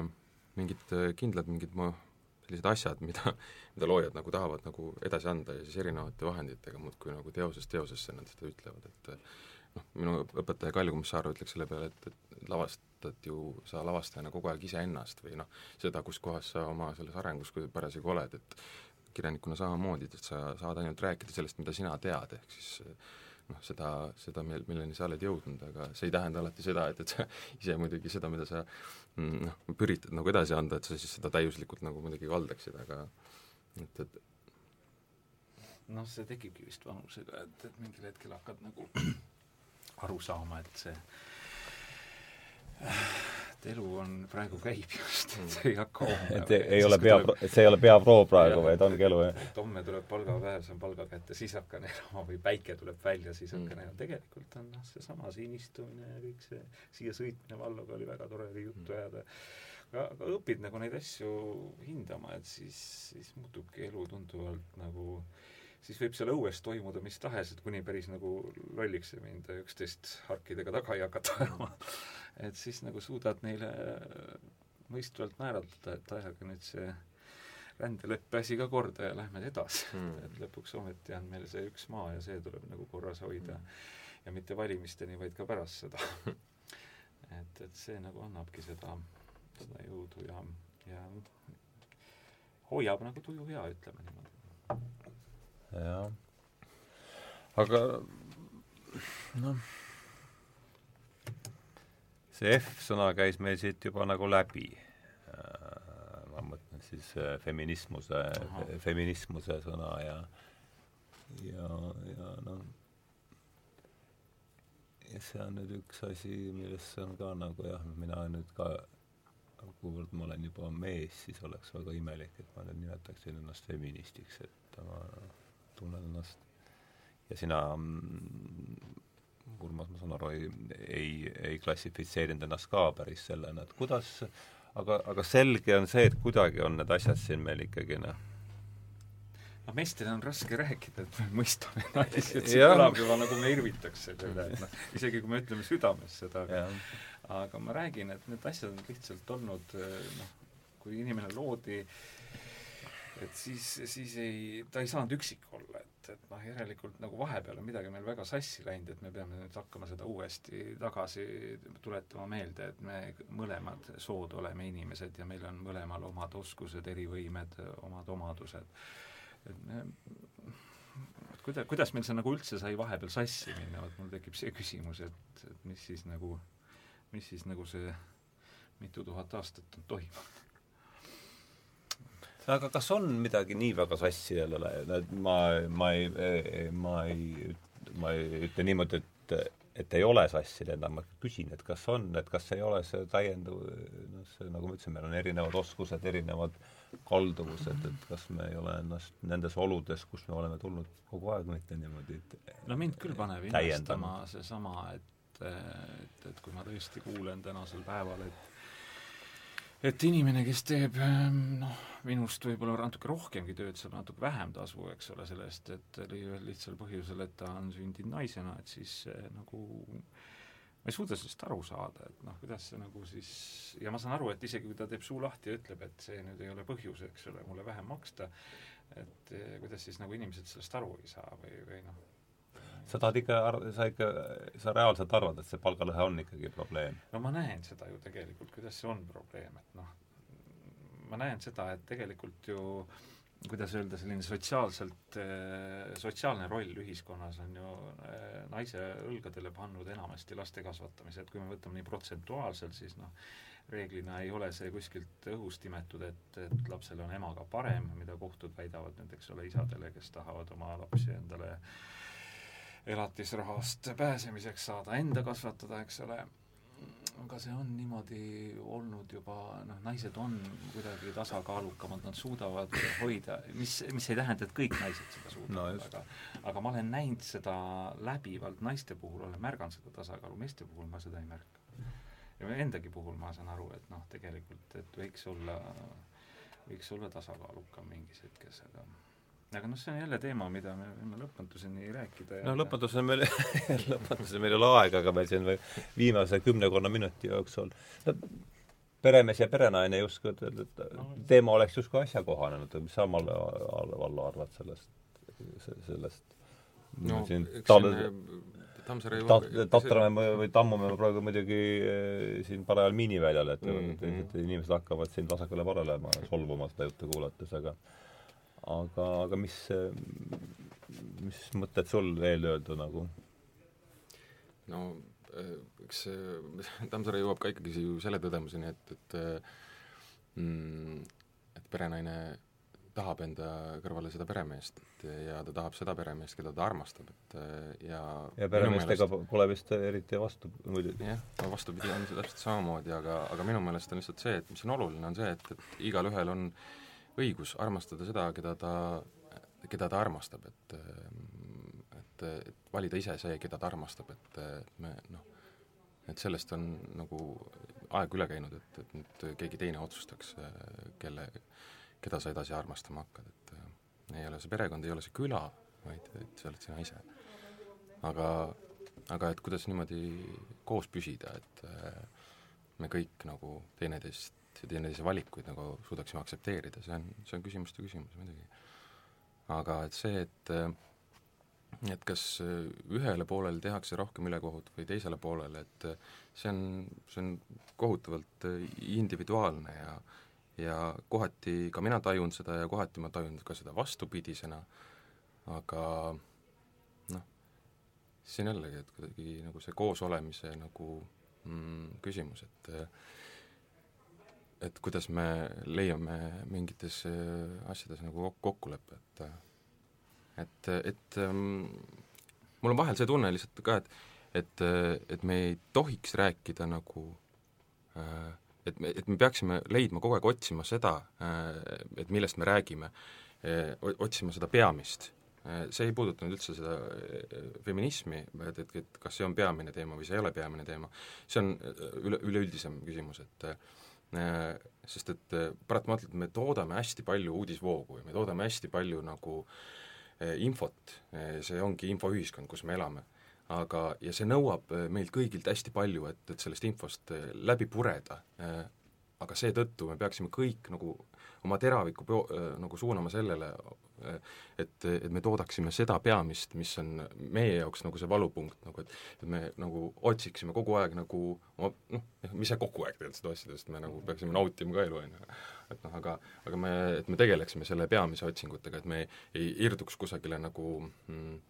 Eh, küsimustesse, mis, mis ei ole, mis on irrelevantsed, kui, kui, kui me otsime peamist. ma ei tea, see on niisugune hästi üldine te teema, ma aga ma ei tea, niisugune mõte. nii ongi jah, sest mul tuleb meelde praegu, kui sa rääkisid, siis hakkas meelde tulema see vist rääkisin sulle ka, et, et siis ma, kui see kõrbuja perenaine tekkis teemaks, et mitte peremees, vaid perenaine mm., et siis mul oli parajasti käsil see periood, kus ma äh, vaatasin ka seda Vilde Mäeküla piimameest, et, et kui nagu see, kes tuli meie eelmises saates, oli ka jutuks. no vot, eks ole, et aga, aga andke andeks, kui seda raamatut lugeda, kumb seal nüüd siis selle raamatu nimi peaks olema tegelikult Mäeküla piimanaine, mitte piimamees, sellepärast et piimamees, tema ohverdused olid ikkagi nagu noh, ta, ta kuidagi ei kujunenud seal keskseks tegelaseks, vaid ta oli lihtsalt see vahend, tänu millele sai nagu seda äh, Vilde seda ühiskondlikku olu näidata, aga näed, mehena ta pani ikkagi pealkirjaks piimamees ja no Vildel oli üldse väga palju mehiseid, mehiseid pealkirju, ma olen seda varem ka norinud, jõulumees ja Tooma tohter ja tal on tal on, kõik on sellised mees ja mees ja mees ja, ja kuigi, kuigi Vilde oli tegelikult väga äh, tolerantne meesterahvas just naisõiguslaste suhtes, et ta tema, tema see sajandi alguse käitumine oli ikkagi väga, väga uhke ja julge, kuidas ta äh, kuidas ta ise naisi nagu respekteeris, et aga just, et see püüd mõista teist poolt, et noh, et minu jaoks on nagu lavastajana ka, mulle on ette heidetud, et, et ma, ma ei tunne, ma, ma ei oska juhendada naisnäitlejaid, noh, on, on ja, ja kindlasti tuleb seda kõige edaspidi, on ju. ja, ja sa oled ise öelnud, et, et ähm, mingid autorid ei suuda naistegelasi avada nii, nagu kui võiks, eks ole. ega ma ise ka ei oska. jah, just, et nagu... see ongi nagu meie meeste häda, aga me tegeleme sellega, et kuidas püüd mõista, et seetõttu on nagu pilgud suun-, su-, suunata nagu endast välja ja vaadata ja püüda aru saada, et see just sellepärast me tegelemegi ja, jah, just, et ta on selline maailm, millest me saame aru, et seal on tegelikult väga selge loogika ja väga selge selline arusaam asjadest, aga, aga me ise ei suuda seda kahjuks, et siis, siis see on tegelikult väga huvitav ülesanne alati. nojah, tundub, et ka ismiga lõppevad sõnad ei ole väga head no. selle jaoks, kuidas asju nagu panna niimoodi maailma parandamiseks. maailma, kuigi nendele, kes neid kasutavad, tunduvad olevat ainuõiged mul no,. see ismid jah, alati kipuvad kuskile ühte väga äärmusesse minema. kuidagi jah, paika. lepime kokku, et oleme naised ja mehed ja saame kenasti ja, ja katsume kuidagi püüame üksteist mõista. see kõlab kuidagi nagu väga niimoodi Davait ja žit truusna pealt siis mina mäletan, et meil Klaudiga kooselu alguses, kuidas meil läks pikalt aega lihtsalt, et defineerida paika nagu armastus, kuidas me seda ühiselt mõistame, aga kuidas me nagu ühiskonna nagu, me ei jõua ju tegeleda sellega, et me paneme kõik need ismid ja kõik nii-öelda nagu ühiselt mõistame nagu need paika, et aga loomulikult noh, proovime, aga see eelmises reedel istusime siin Peeter Sauteri ja Hendrik Lindepuuga ja rääkisime Miloši sellest raamatust, mis meil äsja välja tuli Peeter ütles, istus just silm koha peal seal, et et kas see ei ole mittegi võib-olla üks probleemid, muidugi probleeme on noh mm., mitmeid, eks, aga, aga et kas üks probleem ei olegi see, et seesama A-sõna siis äh, armastus nimelt, et kui see nüüd kellelegi jäi arusaamata, et seesama A-sõna on meil nii ülekoormatud mm, -hmm. et talle on omistatud, noh, Peeter ütles, et armastan õlut äh,, noh, kooki, naist, inimkonda, et et ma ei tea, vaevalt me nüüd selle järelejäänud aja vältel selles teemaga nüüd väga niimoodi kuhugi jõuame, aga mis te sellest ma lihtsalt äh, pillan teil, pillan siin eelmises saates käia mõtte üles, et kas te, on sellega haakumist? noh, see on ka sema-, semantiliselt on Peeter võtnud teda, eks ole, et, et see armastan õlut, armastan naist, armastan oma tütart, et noh inimkonda veel takkatippu. jaa, inimkonda, et ega Tammsaare vist ei oleks ju ma just korraks ütlen kõrvale, et no., et eestlastel on omad mingid sõnad, mis neil on meelissõnad, et ma muretsen endale auto, ma muretsen endale maja, ma muretsen endale noh, et kuidas sa muretsed endale? see on meie keelest jah, tulenev, see, et armastan tähendab nii, kuigi noh, armastan on ka teistes keeltes väga palju tähendusi aga ma ütlen küll, et noh, ega Tammsaare ei, Kõrboja peremeest teosena ei oleks kirjutanud vist, kui ta ei oleks armastanud eestlasi, sest noh, vaevalt et seda enda isiklik kiiks oli, vaid ikkagi tal, tal oli see vajadus, noh, ennast, ennast ei piina inimene niimoodi tundide kaupa laua taga, kui kui tal ei ole vajadust midagi tõestada. et iseasi, kui hästi see, hästi see Tammsaarelt sealt välja paistab, et ta, ta ise väga, väga ei ole seda armastan sõna armastanud. et me, mina näiteks mäletan, et ühel hetkel ma kogu aeg eh, ütlesin oma tütrele, sest ma lugesin kuskilt populaarteaduslikust artiklist, et lastele tuleb öelda, et sa armastad neid. Ja siis ma ütlesin iga kord oma tütrele enne magama jäämist, et, et kas ma olen sulle ikka öelnud, et ma armastan sind ja ja me teeme seda siiamaani ja, ja siis ta mingil hetkel ütles siis, et kuule, sa ütlesid mulle juba, et hakkab juba ära tüütama, et aga siis tekibki see, et aga kui me seda nagu noh, kui ta muutub ka meie naljaks või mingiks selliseks asjaks, siis ta teab, et talle on seda öeldud, kui tal on ühel hetkel seda vaja, et selles suhtes nagu mm. minu arust on see selline kuidas seda öelda, seda ei saa kunagi liiga palju öelda tegelikult inimestele et iseasi, kui me seda ütleme ja ei mõtle, vot siis see muutub no see on jah, ma arvan, see on, aga see on ka tõsine oht, ma arvan. aga kui me ikkagi nagu seda noh, nii sügavalt tunneme, et, et, et me ka populaarteadusliku artikli mõjul ikkagi püüa, ütleme selle välja, siis, siis ma arvan, et see on juba, juba samm edasi sellise parema ühiskonna poole, et sõnal on vägi tegelikult ja kui seda nagu ka isegi ütleme, mingil hetkel ei usu või ise nagu kipud ära unustama, siis, siis mingi asja väljaütlemine tuletab ka seda endale meelde või paneb endale selle kohustuse, et, et sa, sa pead seda tegema, sa pead seda tundma, sa pead seda noh, endas hoidma, et, et see on nojah, aga see jah, selles ma olen nõus, et sõnas on äh, vägi ja ja et seda peab seal alles hoidma, aga siis sage kordamine jälle sellele väele ma ei tea, ma ei, ma ei, ma ei oponeeri sulle, ma kui küsin ühte vastu. sõna korrata kümme korda, eks ole, siis ta muutub nagu absurdseks ja tähendusetuks lõpuks, eks ole, et aga me ei tee seda ka hommikust õhtuni, vaid lihtsalt õhtul enne magama minekut, me teeme seda erinevates variatsioonides, kui me oleme ei, koos, jah, et, et see on nagu ammugi selline... ma ei, ammugi ma ei söandaks kritiseerida su perekondlikku praktikat, see on ei, ma ei, ega ma ise ka ei ole kindel, aga ma lihtsalt loodan, et äkki ta ühel hetkel aitab aitab äh, mingis mm., mingis äh, hetkes, kui kui seda vaja on, kui on temal raske või kui on minul raske, et siis me saame nagu sellest, võib-olla ta keerab üldse midagi kihva, ma ei tea, kui ma, kui ma kunagi surema hakkan, siis ma kirjutan üles selle, kuidas see tundub tagantjärgi, aga praegu ma praktiseerin seda ja ja vaatame, kui kaua see väike tütrenäps kannatab seda. aga millegipärast on üheksakümmend üheksa protsenti muusikat loodud selle sõna ümber no., millegipärast on üheksakümmend viis protsenti kirjandust loodud selle sõna ümber. mis see põhjus on? kogu meie elu keerleb selle sõna ümber, meie olemus, meie eksistents pöör-, pöördub selle sõna poole. et äh, jah. jah, nii see küllap see nii on, jah no vot, see on see Peetri mõte jälle, et tal on nii palju tähendusi. et, et see on noh, ma mõtlen mõnele odavale poplaulule, siis ma mõtlen, et see jumala eest, minul tütrel pole sellega mitte midagi pistmist, mis nad seal räägivad, et et lav, lav. et jah, mul tuleb meelde selles, sellest Võlumäega tegelesin siin olude, mitte olude sunnil, vaid tänu, kui niisugune võimalus oli pikemalt, see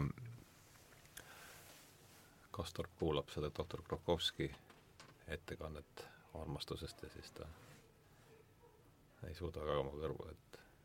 et seda oli väga harjumatu kuulata, et sellist loengut peeti, et ta oli seni kuulnud vaid, loengutes oli kuulnud vaid ülekandemehhanismidest laevaehituses, aga et, aga et talle tundus, et see sage kordamine sellele sõnale mitte alati kahjuks kasuks ei tulnud. mitte, et mul oleks mingi hea retsept siin välja pakkuda, aga vot seda peaks üle lugema uuesti. see on väga kihvt, see on peatükis analüüs on jah, see, et ta tekitas, et see sage kordamine tekitas mulje nagu mingist sellist, kuidagi toob selline piima, liisunud piimast või mingist koori mm, -hmm. vot ma ei mäleta, see oli väga väga huvitav oli see, ma mäletan, aga ma ei mäleta, mis, et, et seda peab tõesti üle lugema. kuulge, aga mm, Lähme sõpradena lahti. jah, vahva, vahva oli teiega siin lobiseda, et et nüüd näitab küll seda, et, et ju teil on teisi toimetusi ja ja mul paraku ka, aga, aga me oleme siin ligi kaks tundi nüüd eh, vestelnud ja minul ei hakanud igav küll kordagi. ja, ja nüüd on siis aeg jutuajamisele joon alla tõmmata, eetris oli siis Tähenduse teejuhtide järjekordne saate, järjekordne saade ja me rääkisime täna Olla Kirsi ja Urmas Lennuki nimetame siis Tammsaare dramatiseeringuks ikkagi või? jah, mina nimetaks. mis nüüd paraku saate vaadata ainult, kas mingi lindi peale võeti see asi või? jah, on küll jah, videosalvestus sellest et kahjuks seda saab siis nüüd või, või õnneks, et igal asjal saab ju, igal asjal on ots ja äär lõpuks. et ähm, seda teater on kaduv, kaduv kunst, selles mõttes, et kaob lihtsalt ära seda tükki enam ei mängita, mina olin nii palju õnne, et ma seda nägin veel siin ühel viimastel etend-, ühes, ühel viimasel etendustes sain sealt äh, teatrielamuse, prouaga mõlemad, ja seetõttu mul eriti hea meel oli täna teid siin stuudios tervitada, aitäh tulemast, Vallo Kirs! aitäh! Lennuk äh,, mina olen saatejuht Urdo Pajula ja soovin teile head õhtut!